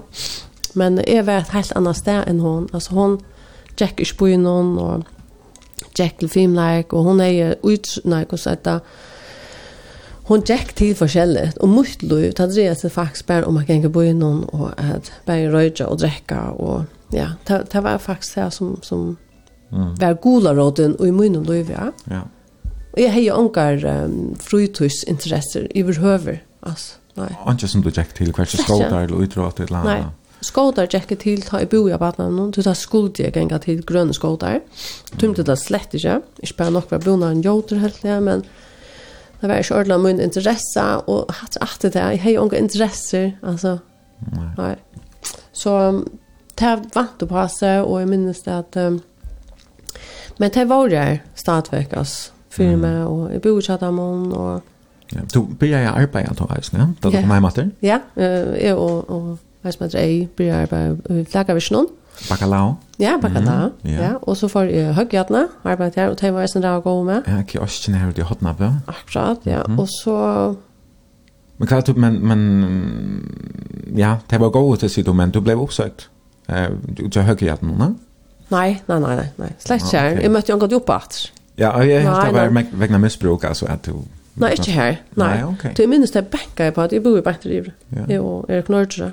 Mm -hmm. Ja, vi var på her da, og det var alt det der svampa du och hash og you name it altså og frivilligt vet du jag minns hur snäckte jag runt jag får mig åter till högre att arbeta mm. så jeg var en fitt ekspedrisa ja. det var det ja men um, jeg, jeg, jeg tror inte orskar ikke og, og och mot träcka ro ju allt det var igjen jeg var på passen ta tog og ta var det at att kom inn etter ja, ja. Vad var det for ett, ett omkvarv du var parster av det? eh, ja, det var faktiskt sort eh, hvis man kan säga, vad ska man säga, det var så missbruk alla ställen, det var bara svampar och det var hash och det var tabletter och och är inte tillhängare att jag måste vara måste stoff vara mer alltså på dricka men i prövar jag det gör det bara svampar och LSD och tabletter och poppers, det är så som man sniffar som ska vara rätt affärligt. Det är så här hjärtamedicin, det är så där, som, Absolut. som sätter igång i omlöp och så live. För hjärta att slå ner tuttar. Akkurat, och det vi ska det vi ska vara att ta en gåva visning för mig. Och men ja. men men tar man tar nu sitter snack om det så där sen hon hade hur snack man hur snack vi är flutcha oj ja. Alltså hur snack vi Men det var det här där snus om det var att skaffa rosa under omkronslä till ja. till nästa ball. Akkurat, akkurat. Hur så ja. en en typiskt vika så här då?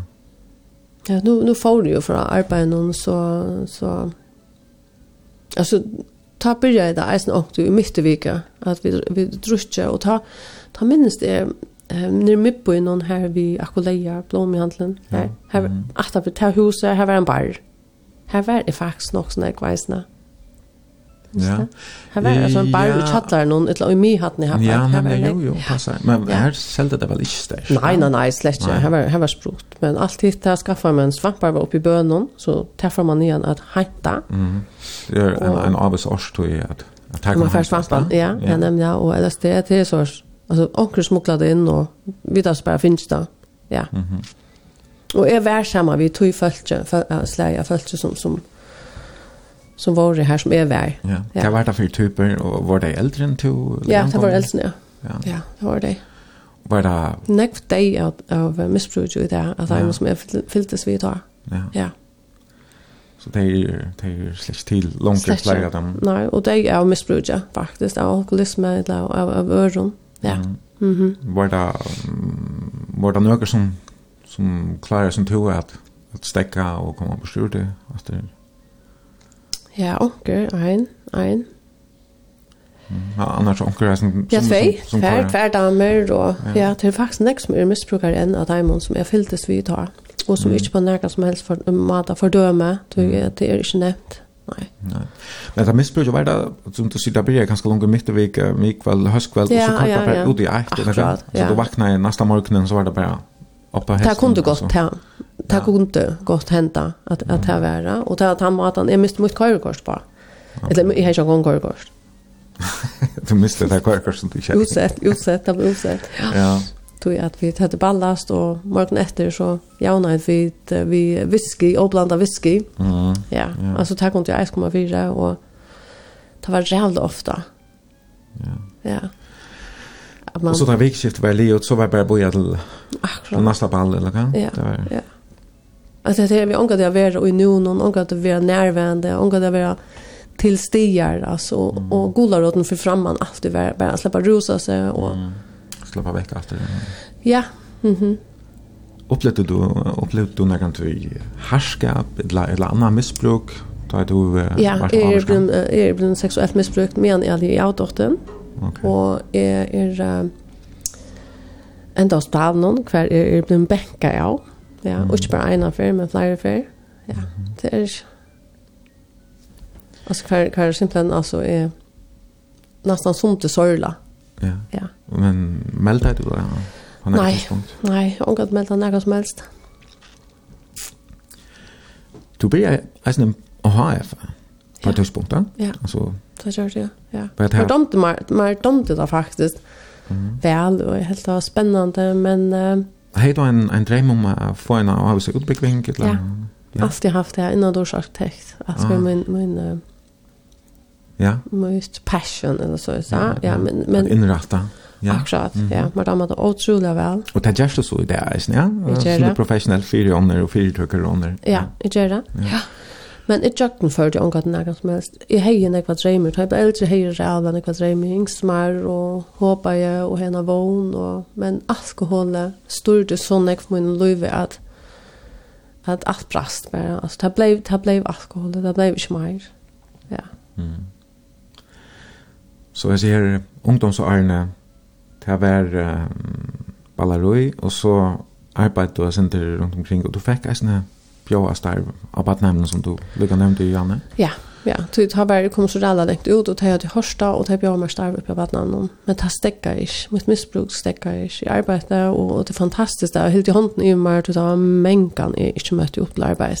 Ja. Mina vakter där. Mm. Och det var ens inte... Alltså jag, jag var för nek, det var för nek badna, hans badna blå ui mer, alltså till att jag har respekt för att möta upp och Och lukar som mm. halta men till arbetsstunder och så men uh, ja, jag var här att jag ska arbeta någon arbete här. Ja. Mhm. Mm och tag tag jag eisen vill för det. Börlöv. Men så mötte du uh, pappa Natasha på ett tidspunkt. Ja. Mm, blev Lucas en roll här ta lika. Nej. Ta det kan vart du ta först i tjugo någon. Ja, det är Natasha är född 2005. Mm. Hun er født i 92, og jeg var 60 år til 8. Natasha. Vi var sammen i fem år, jeg og, og Kjerstan, papen Natasha.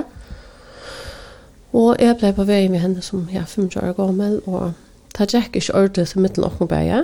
Så jeg valgte faktisk å flytte nye til Danmarskar, og til en, en som har bo av at han fra London. Mm -hmm. uh, hun bo av, i Danmark sammen med en danskare, Og det løyve var uh, ikke øvelse enn det som jeg får fra, faktisk. Nei. Men åtte du ikke Natasja i Danmark? Jo, okay. vi åtte i ja. Danmark. Så du flott nye faktisk, det er du eier hun Ja, jeg var på veien til jeg flott nye. Ok, ja. og det er Jack i Charlotte her, og pappa noen? Nei, ja, nei. Så du flott nye, men det var Lolland til Falster her, ja. eller så? Ja, nysted. Ja. At, at han lytte bøyren som, som teipa jeg bor i. Mm -hmm. Jeg og Klaus, og det var eisen at skarvet liv. Ja. Eisen vi, vi alkoholmisbruk, eller hva? Uff, ja. Ja. Ja. Og nå blir jeg rørt, ja. Uff, ja. Ja, det er som... Tui, tui. Altså, det er så tragiskt. Uff. Så du också om Natasha? Ja. Ja. Så det det kanske. Hon var snart född in i ett latte erona. In i alkoholisme og men at jeg var så ikke fungerende som var det det var ikke så stekket i meg. Ui, jeg trekk altså. nei. Nei, det var det ikke. Det var vemmelig å sitte og si ja og til Men det er som nøy det aller mest i det, det er at, at, um, at du på enkla måte kanskje vart center mot henne som mamma tog var mot det här eller allt det här som du ett tag hade man väl för det ja mhm. Jag var svikt och bara och jag sviktade henne Det finns ju öron i henne då men du kom ju att tro jag att du är ju har väl jag tror ju tror ju tror jag är nu så men startväkt han det där så så följs det så starkt mhm.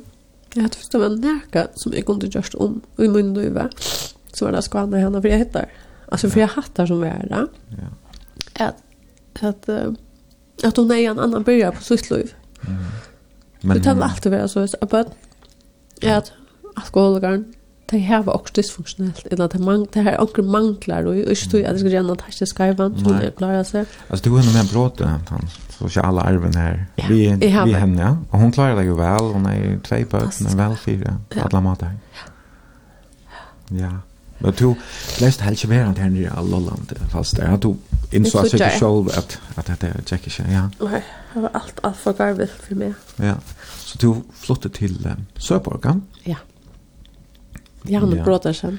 Så till Janne Brodersen, ja, som var en otrolig god hjälp för mig och god stol och här var de trygg och här var gott och och här får du så uh, möter jag.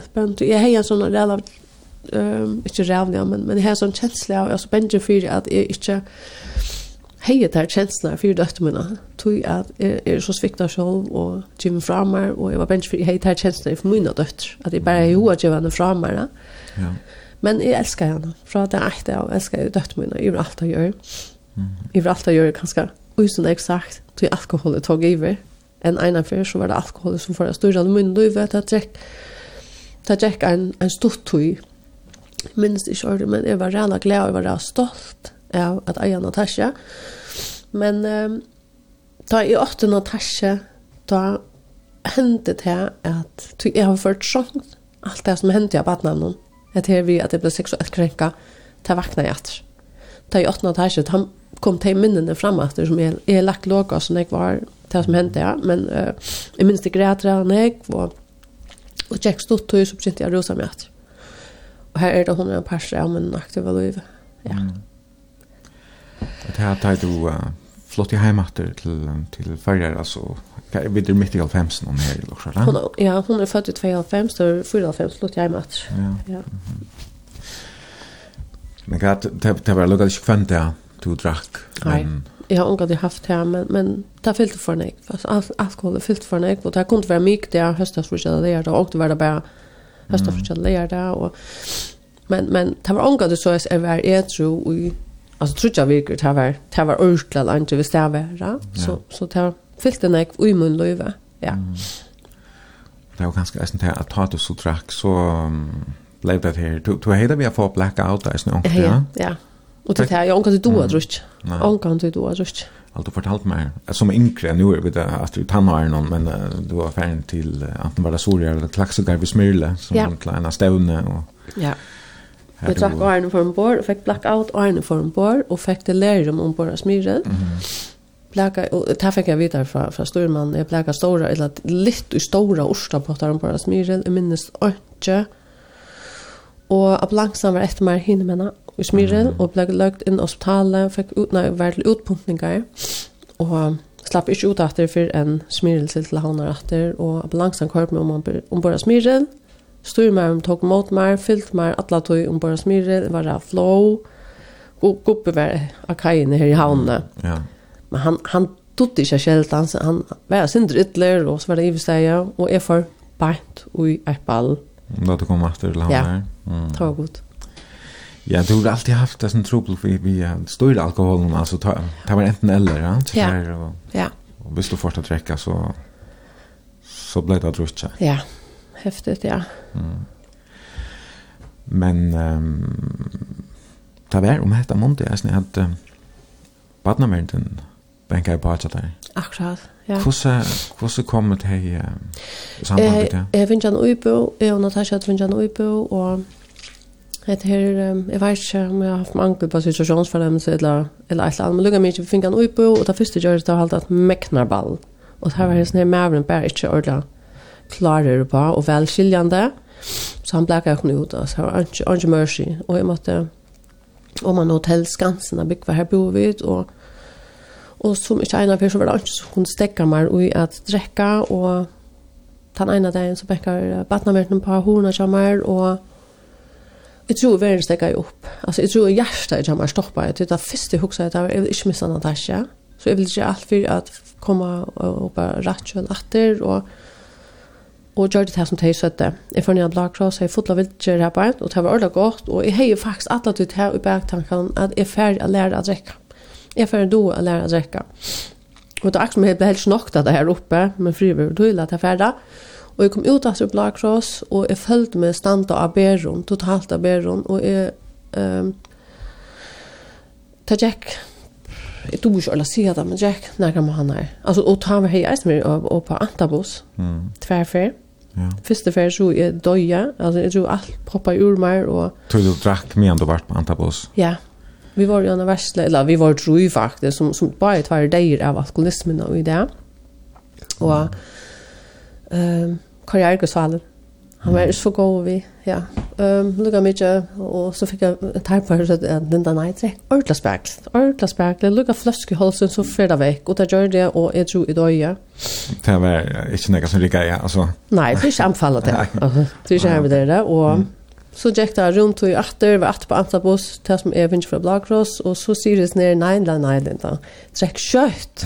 Så strikker han Og det gjør jeg, og jeg mener at jeg, oh my god, oh my god, at jeg, mm, ja, under brusna i flere timer, og tar rann ut en boeren der, og det var forverdelig, altså, så de ordentlig utbyrd med henne, hadde jeg simpelthen konsekvenser, jeg var hæsen løven og nærbeid, og det var forferdelig, og, men, uh, ja, hva kom jeg fra? Ja. Ja, ja, men du, du dachte du jaster, simpelthen. At du har vært simpelthen plakross, men, men men dachte du ja styr. Det gjør det, ja. Og det skulle gjenga noen år og år Mm, ja. Og ønsken fyllte Natasha opp, det går helst å si. Nei, nei, nei. Nei, badna rundt bengar i bar, og pura rett. Altså, det er en, en borgerlig plikt at man melder det mm. og det har vi gjør selv. Hesten mm. 18 år til. Ja. Du har vært vittne til at um, bøtten er, ja, og, ja, misbrukt et lag, hvertfall ikke var der nere, ja, foreldrene trekka. Akkurat, ja. Okay. ja. ja. For omsorgen og svikt og alt så, så er det akkurat plikt til å rinja det baden har ikke mulighet for det. Mm. Her du hører kontant det, altså. Helt sikkert, ja. jeg opplever at jeg ser under min kropp og mitt bad, som er føler ble svikta akkurat i her som fører noen. Mm. Uh, men jeg valgte så at han har en en av tog til her med en gammel vinkunne som er som jeg tror jeg holdt der, og jeg vet ikke, jeg fikk henne vågne, og hun klarer at hun var lukket skjønne ut som, mm. som jeg var, og jeg får ikke nevne noen navn. Ter hjelpte meg, hun og mamma henne har hjelpte meg å passe henne til så jeg får av vidtjer ut i halvbrygte og i fem uker. Mm -hmm. Trygt og godt og deilig her ute, og det var øktafullt å komme ut i samfunnet. Ja. Ja.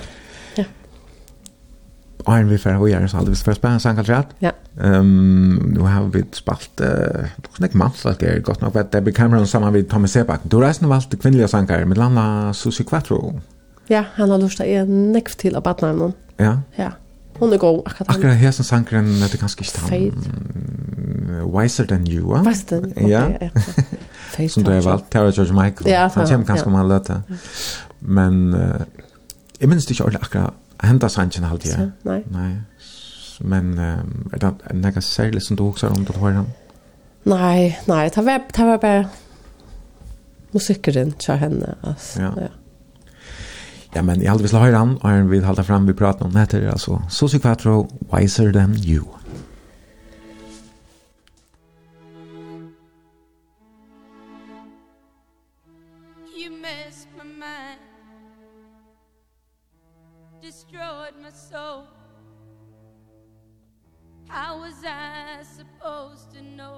about the power of love.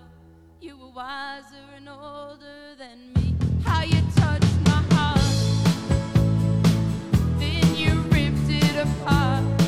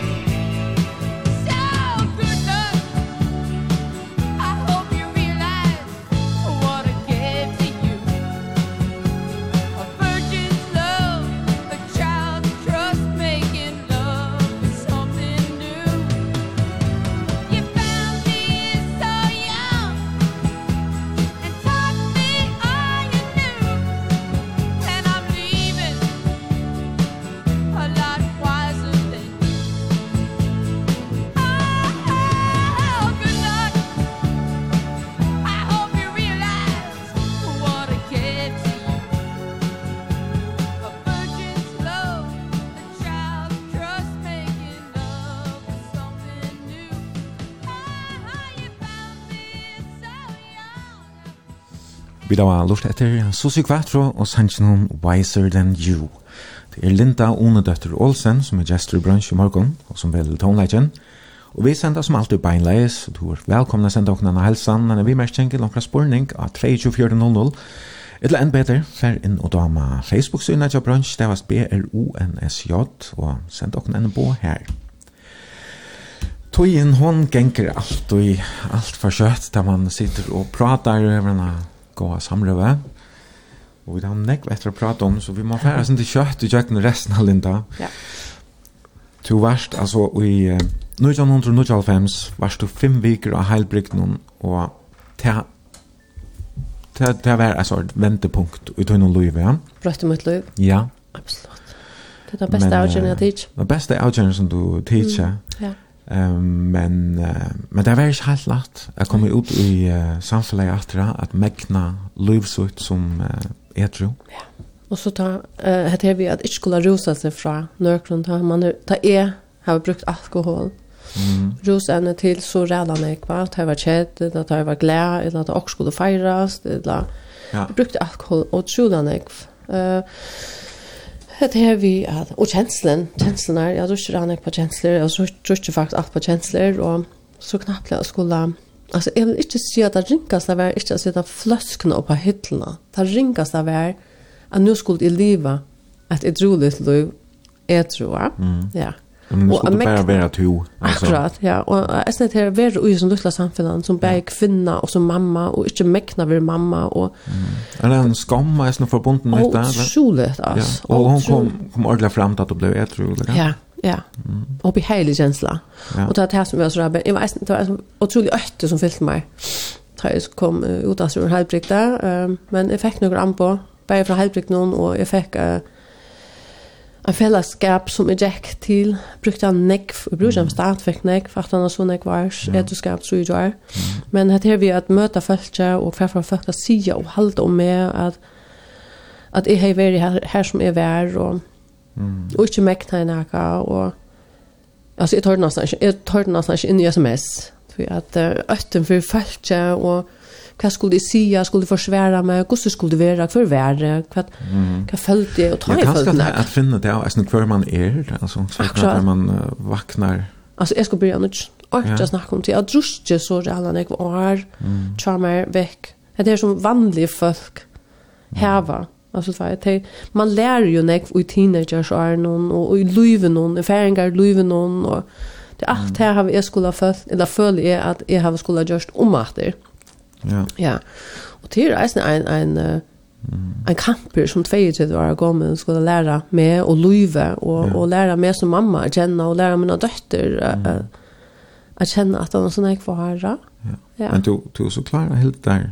Vi kjenner noen lycka så gjerne. Utgjørt, 23 år, og noen måneder har vi helt det. Men att han har fem år fortalt om här att uh, ta börja i förstånd och så veckna ja. inhämta det efter. Ja. Jag har varit tror i fem år och gynnt fällskap om fem år som har varit nog bara att gänga av fond.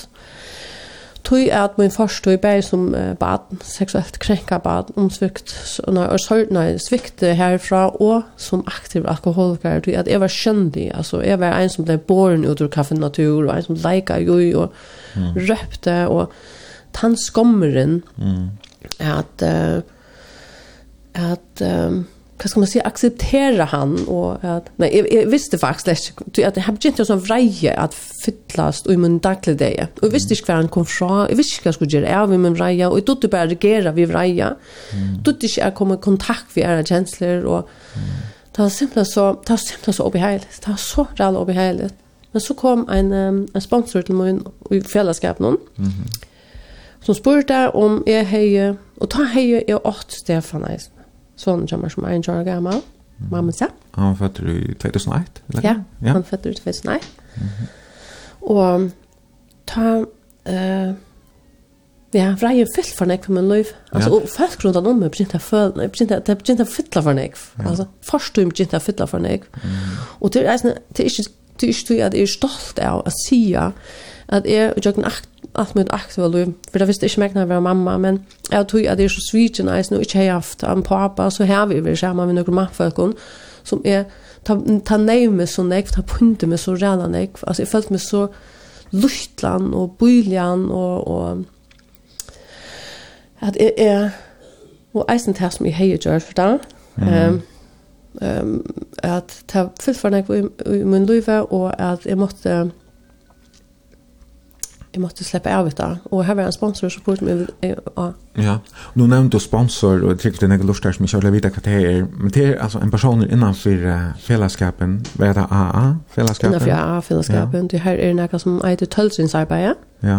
og sponsor det är en hjälpare, altså ja. en slags mentor. Ja, det är väldigt tölsinna som gjør det här vad gör det och som bjør seg til å gjøre mer tölsinna. Mm Mm. Det er at man hikker på sina forstår, lærer seg at akseptere henne og legger henne fra seg, og så kan man bli et nytt liv, va? Han har nødt til å regne forstår. Ja. Det var livs nøye til meg, affære og arbeid med mine forstår. Mm. Sette åra, ja. snakke om det, akseptere det, og så kommer vi gjøre liv noen. Altså, mm. altså tølsynsarbeid er noe som ødel folk burde være i røkken og skille med, men det er... Ja, man så... behøver ikke vært være rosemnesmisbruker for det. Nei, nei. Okay. Det er genialt skruva i sammen, altså. Det har vi hittet inn etter, og det er faktisk her jeg har funnet opptredelse fra, det er kjøkkentrinarbeid. Ja? Ja. Det har vi lært meg at, og jeg det har vi vært inne i av, at jeg fyrtjøver folk, ja? Mm. Nei, folk, og jeg, at jeg ser en skilta vi folk som jeg har sørst, og som jeg har gjort for tre, ja. og kjøkken nå er det.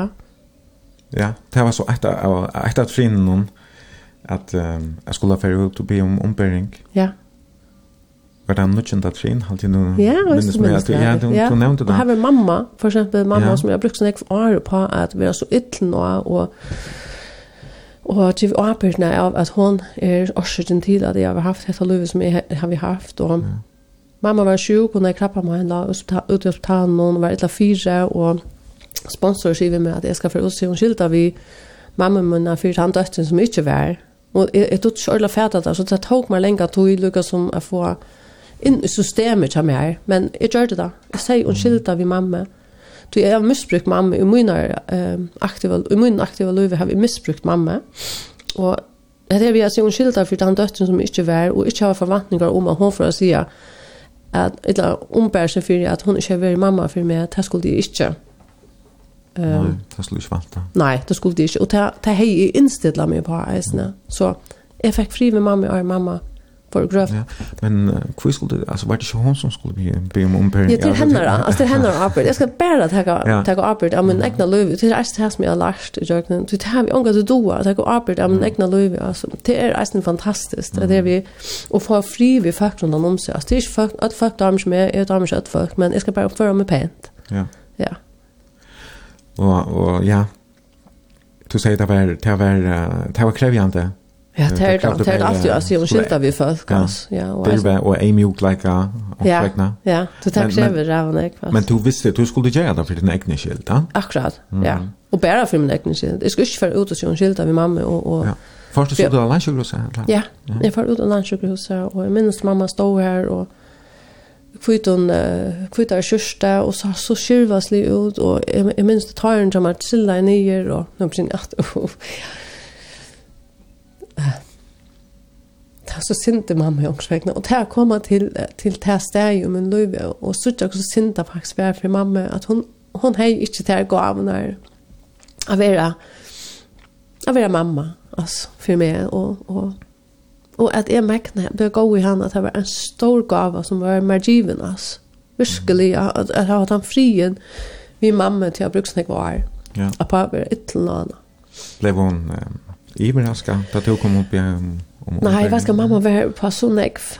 okay. morfin og ja. och medicin. Att, jeg jag vet ikke om det rinner eller vi tjärna og mm. nå hukte jeg ikke så vi spørsmålstek noen. Og, men hva skal jeg fikk sagt om skilta og en frier vær i vi med. Var det stått är någon dag eller?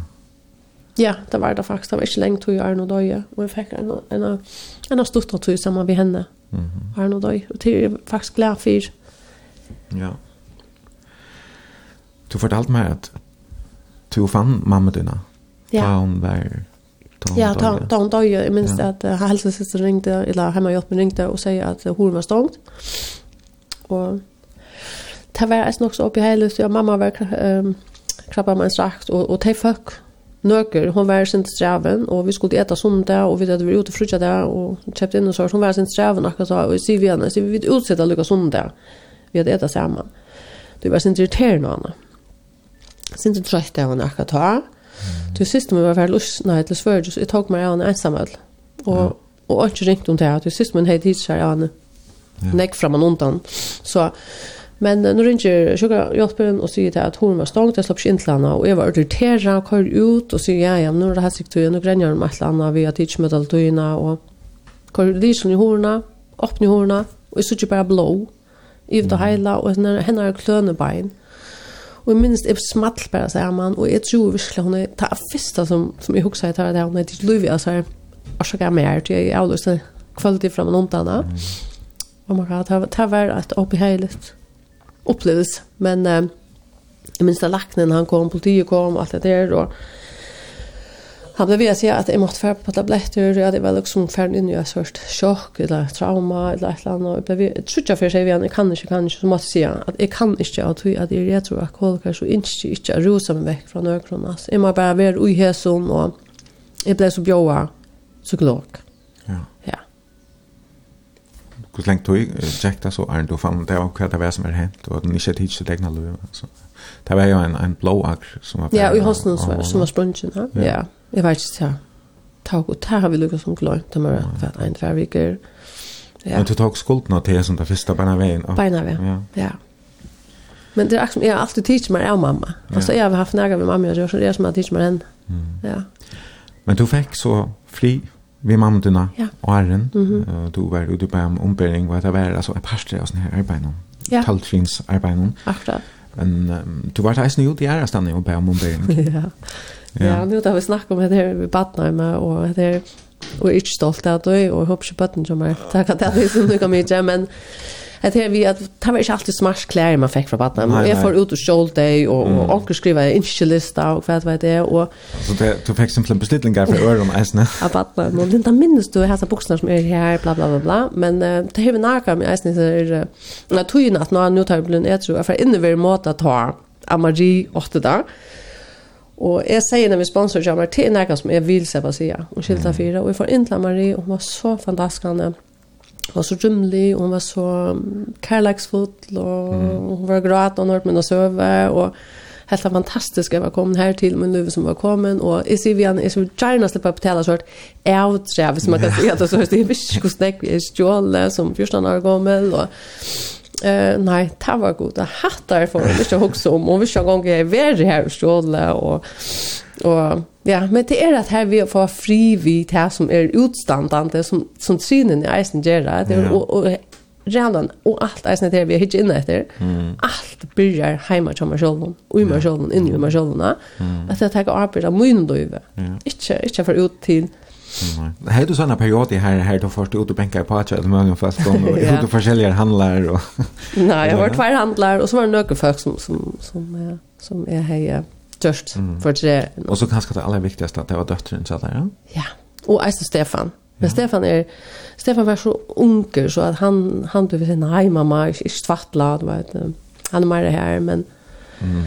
Men men dotter min hon hon är en pastor av min hon aktiva Löve och Stefan är mer en pastor av min jag tror Löve och ta ta i sak så det är jag Stefan faktiskt har haft en mer till att ta över jag tror så var det där något annat lost jag skulle arbeta vi kom kontakt kontakt vi och mm en annan version av mera. Ja, men ja.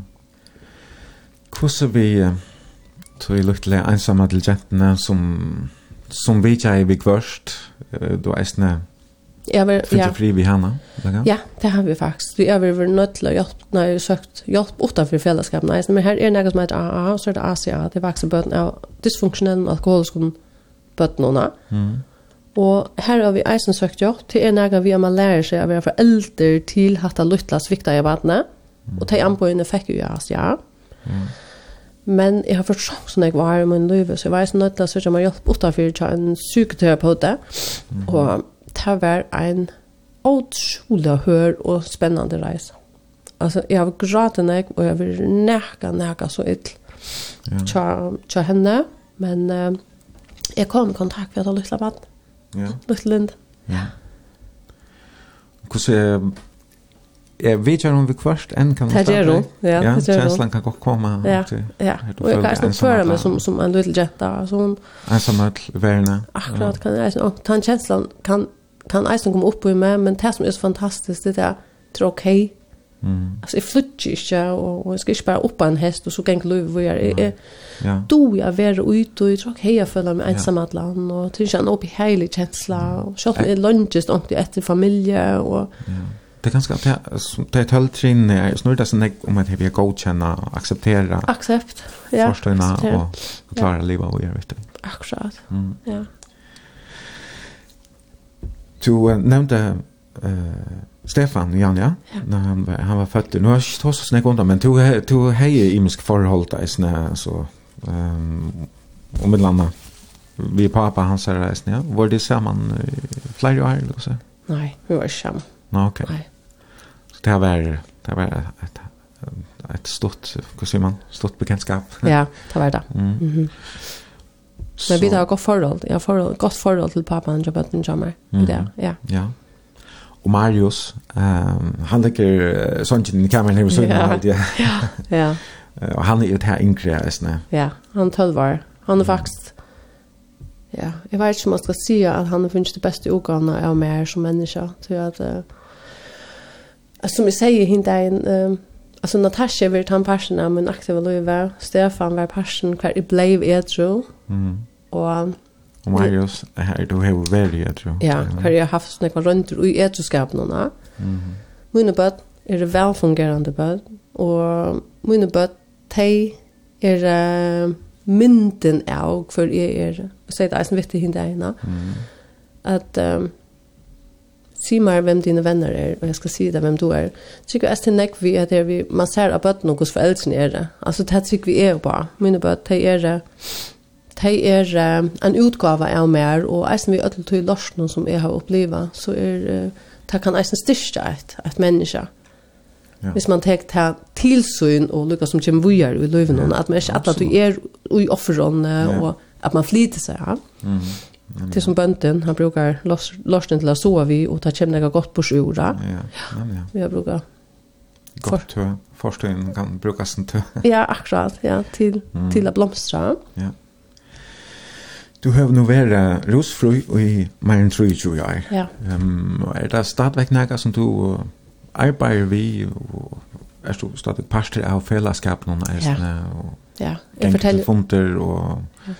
Tvert og funter og ja. vikna, og jeg forteller søvner som er her ute, og helbrikte eisene. Jeg har haft Maria Brygstofte, ja. i førjon til fyrelester. Ja vi bränner fyra så var det och man ramar väl att fuck det går som resa sig upp och fortälja alltså hur ska jag basha in Löve och eh jag har skrivit till med till två år sedan skrivit till Lotus Torell dotter Dan Torell som är vuxen upp vid en pappa som drack han dog ju av alkoholism ja. Och Peter Brikstofte dog ju av alkoholism Mm. Hon fortalte första personen till oss att man är ett men jag blir låt Torell kom hem förr men nu var det corona allt här kommer mittlem. Jag har sett mig samband vid en natt nu. Så nu ska jag lycka bara finna ett tuschpunkt och Ja. Och vi skulle finna en där och så här. kan För hon kan komma hem och fortälla hur det är att växa upp vid en alkoholisk och pappa. Du tar, ger, nära vi ett bad. Så mm. i vi ut höj. Och ta in det bötterna är nägg i förrjön. Och det är nägg vaksen bötterna i förrjön. Som är vuxen upp i alkoholisk och hem. Jag vet att föräldrarna är, är, eller är alkoholiker. Mm Men det er sånn ikke som legger låg av. Ja. Nå er det bensjen for jeg kom i kontakt vi hatt der, du vet, føler at det er svikta for elsen just her. Ja. Faktisk er så reelle lojal i for elsen just her. Ja. Mm. Jeg vet ikke om det er eika, men, men det er sånn skommer til en badne å standa fram og, og, og si at mamma og pappa trekka, eller, ja.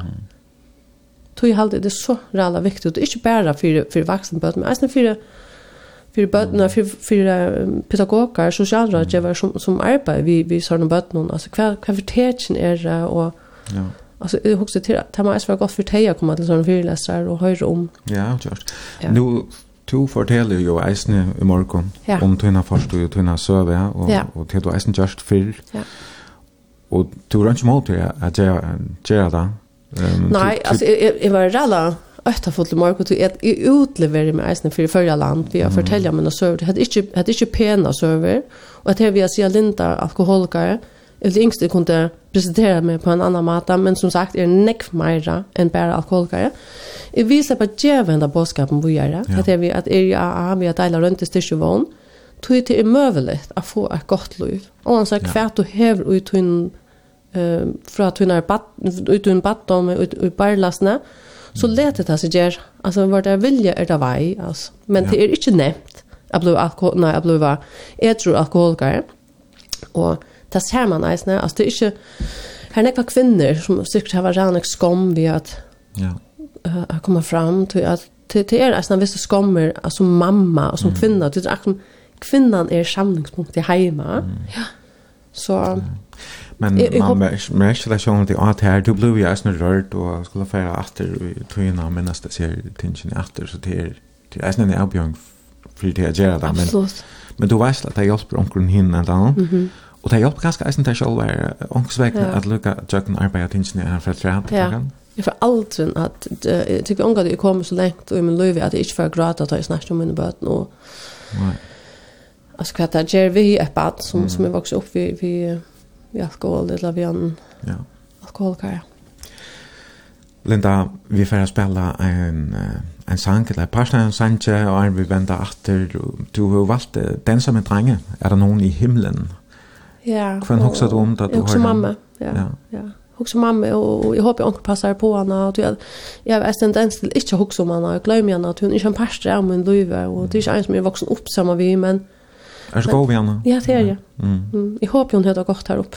Ja. Og til det her som sangen er til. Vi tar den her, og da vi venter etter så um, ver nok tog på han vi får at lese noen sms på, helsaner, spurningar, vimerkningar.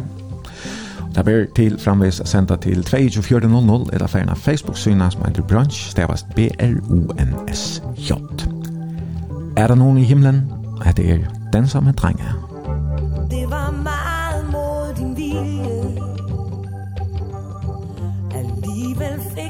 fram mig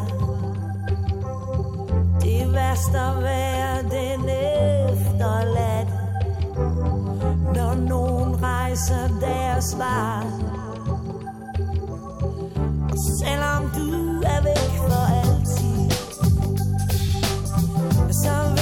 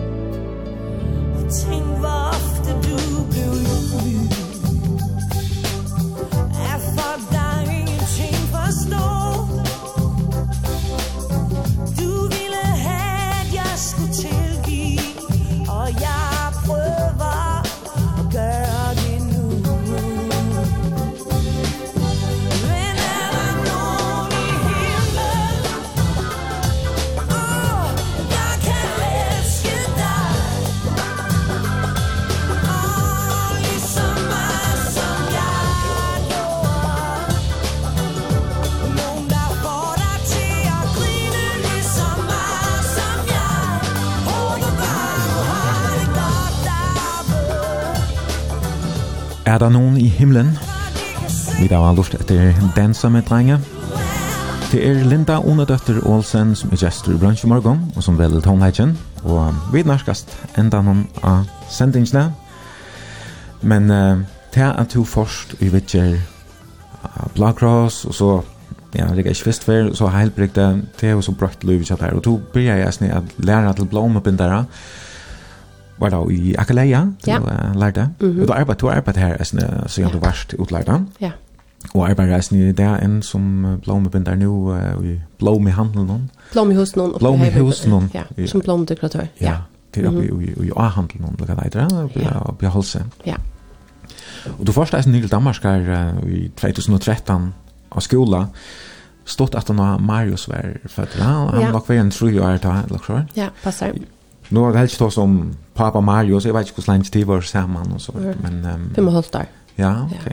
Ja. Och det där var gott samband. Ordla, alltså nu då damer John och ta kommer för en gång där här och hon bakar för mig och allt det där. Ja, ja. super. Yes. Och jag får ner 13, jag får ner i, i enkelfag KF och och attla är faktiskt affär som des, uh, grafisk designare. Oh, ja. Men det och man skulle betala sig i skolan, det är så Eisenjörg för en läcker ubo i Åtense.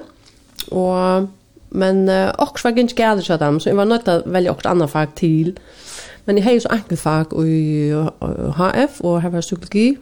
Mm. Men det var otroligt väl, självande. Ja.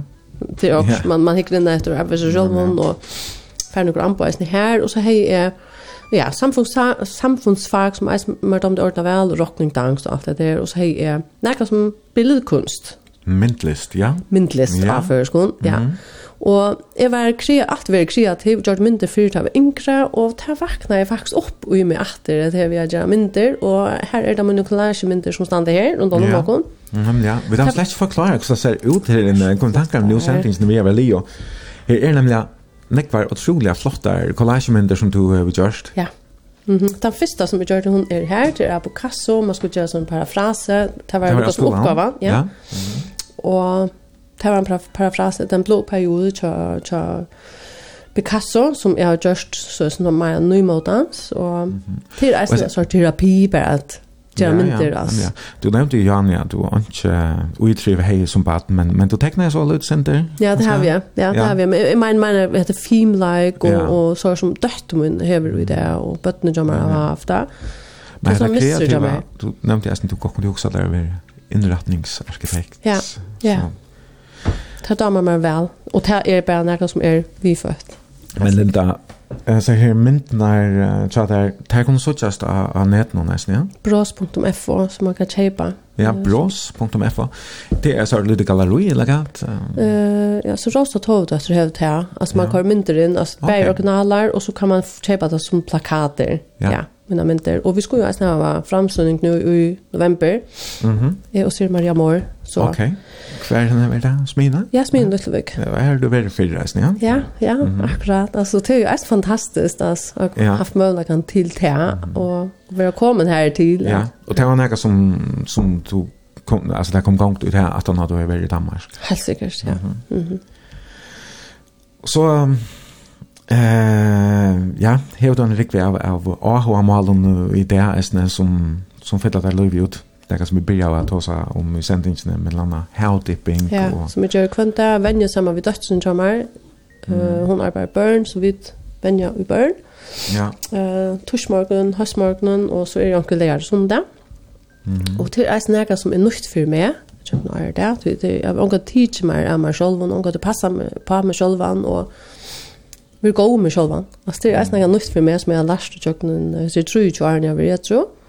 Og det er fantastisk, altså, jag går upp på meg selv, og jeg føler eisne at jeg, ger vi har gjevet meg selv, så gjev jeg eisne min bötten och allt här runt om meg.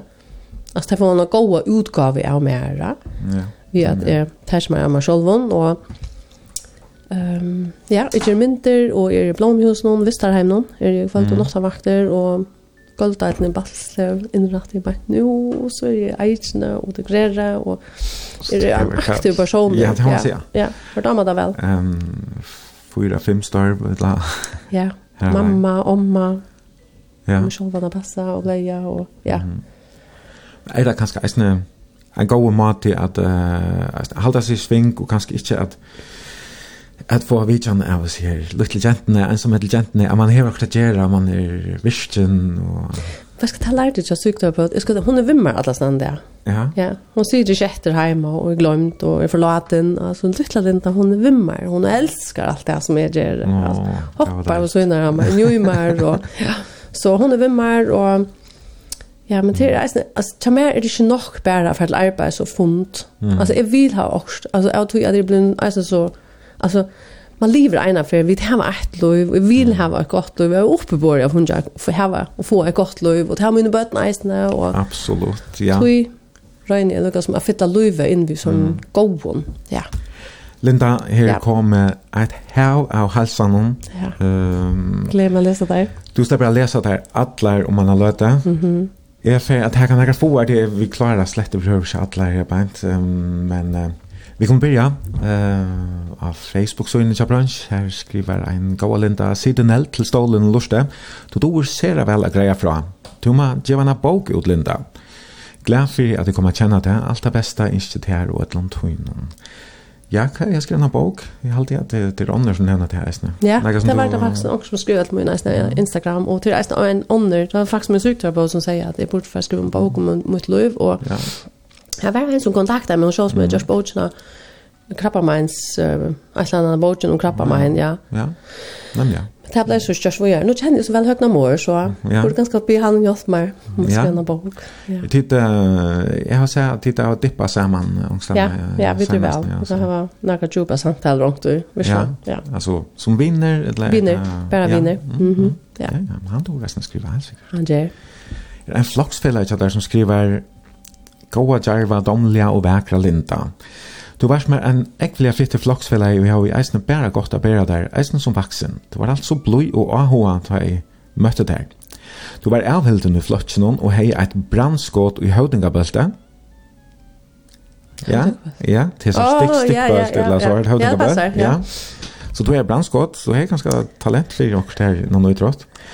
Og skulle du sjølvande vil sluse inn ut til dømes håndbølten og finne sunnan fellesskap her. Jeg er ikke det alt det beste, så just min eller helsan Annika.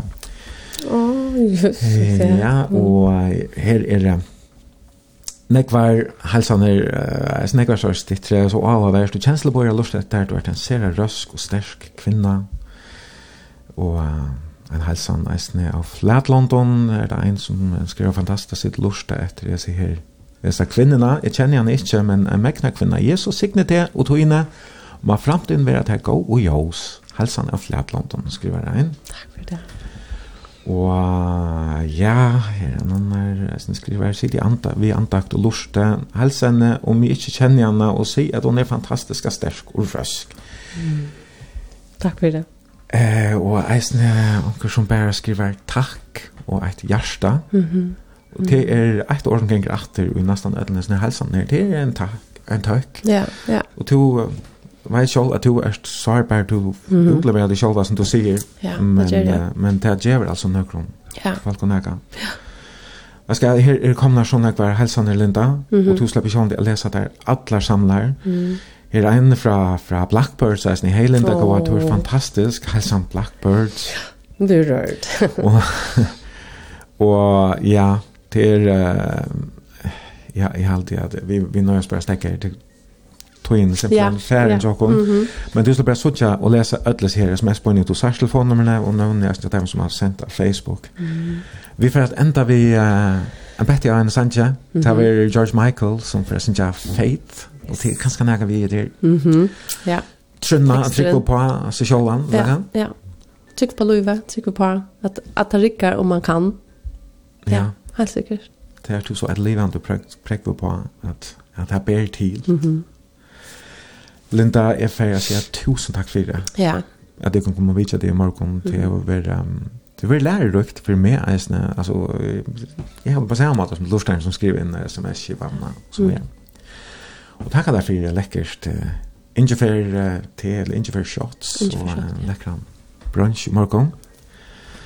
Og takk for alle vimerskene og helsene som mm -hmm. Lorsteiner har sendt dere. Jeg vet ikke om du nægge leggja tre hatten annars. Jo, jeg vil bare takke deg mengan, Eifen, at du spurte meg. Jeg var ræla vengen i morgen, tog at jeg vet at jeg er um, er ikke stolt av å fortelle om mitt liv. Det er ikke en sånn sol... Jo, man kan ikke si at det er en solsynssøver, men alt det som jeg har gjort det er ikke stolt av. Men det er en parter av min liv, og jeg kom bojere, og jeg har akseptert det, og mine bøtten har det godt. Og det vil jeg bare takke deg for. Jeg har det godt nå. Takk som ja. leies Linda, og aller, aller, aller beste i etne, og aller beste innskje, ja. fram, framiver til inn. Takk for det. Hetta var altså brunch hesa fer gestur var Linda Ona døttur Olsen, er ID Eifen Jensen og bare at vi brunch og nokon gestur kommande leiar der klokkan fem minutter i vidutje. Vi enda altså vi George Michael halde det er nok så lenk intro, så jeg har makarna fra. Han blir så rea bakless sankren her. Kål sanker. Ja. Hetta var altså det som vi høytte. Takk til som lortsteie og godt vikeskiftet.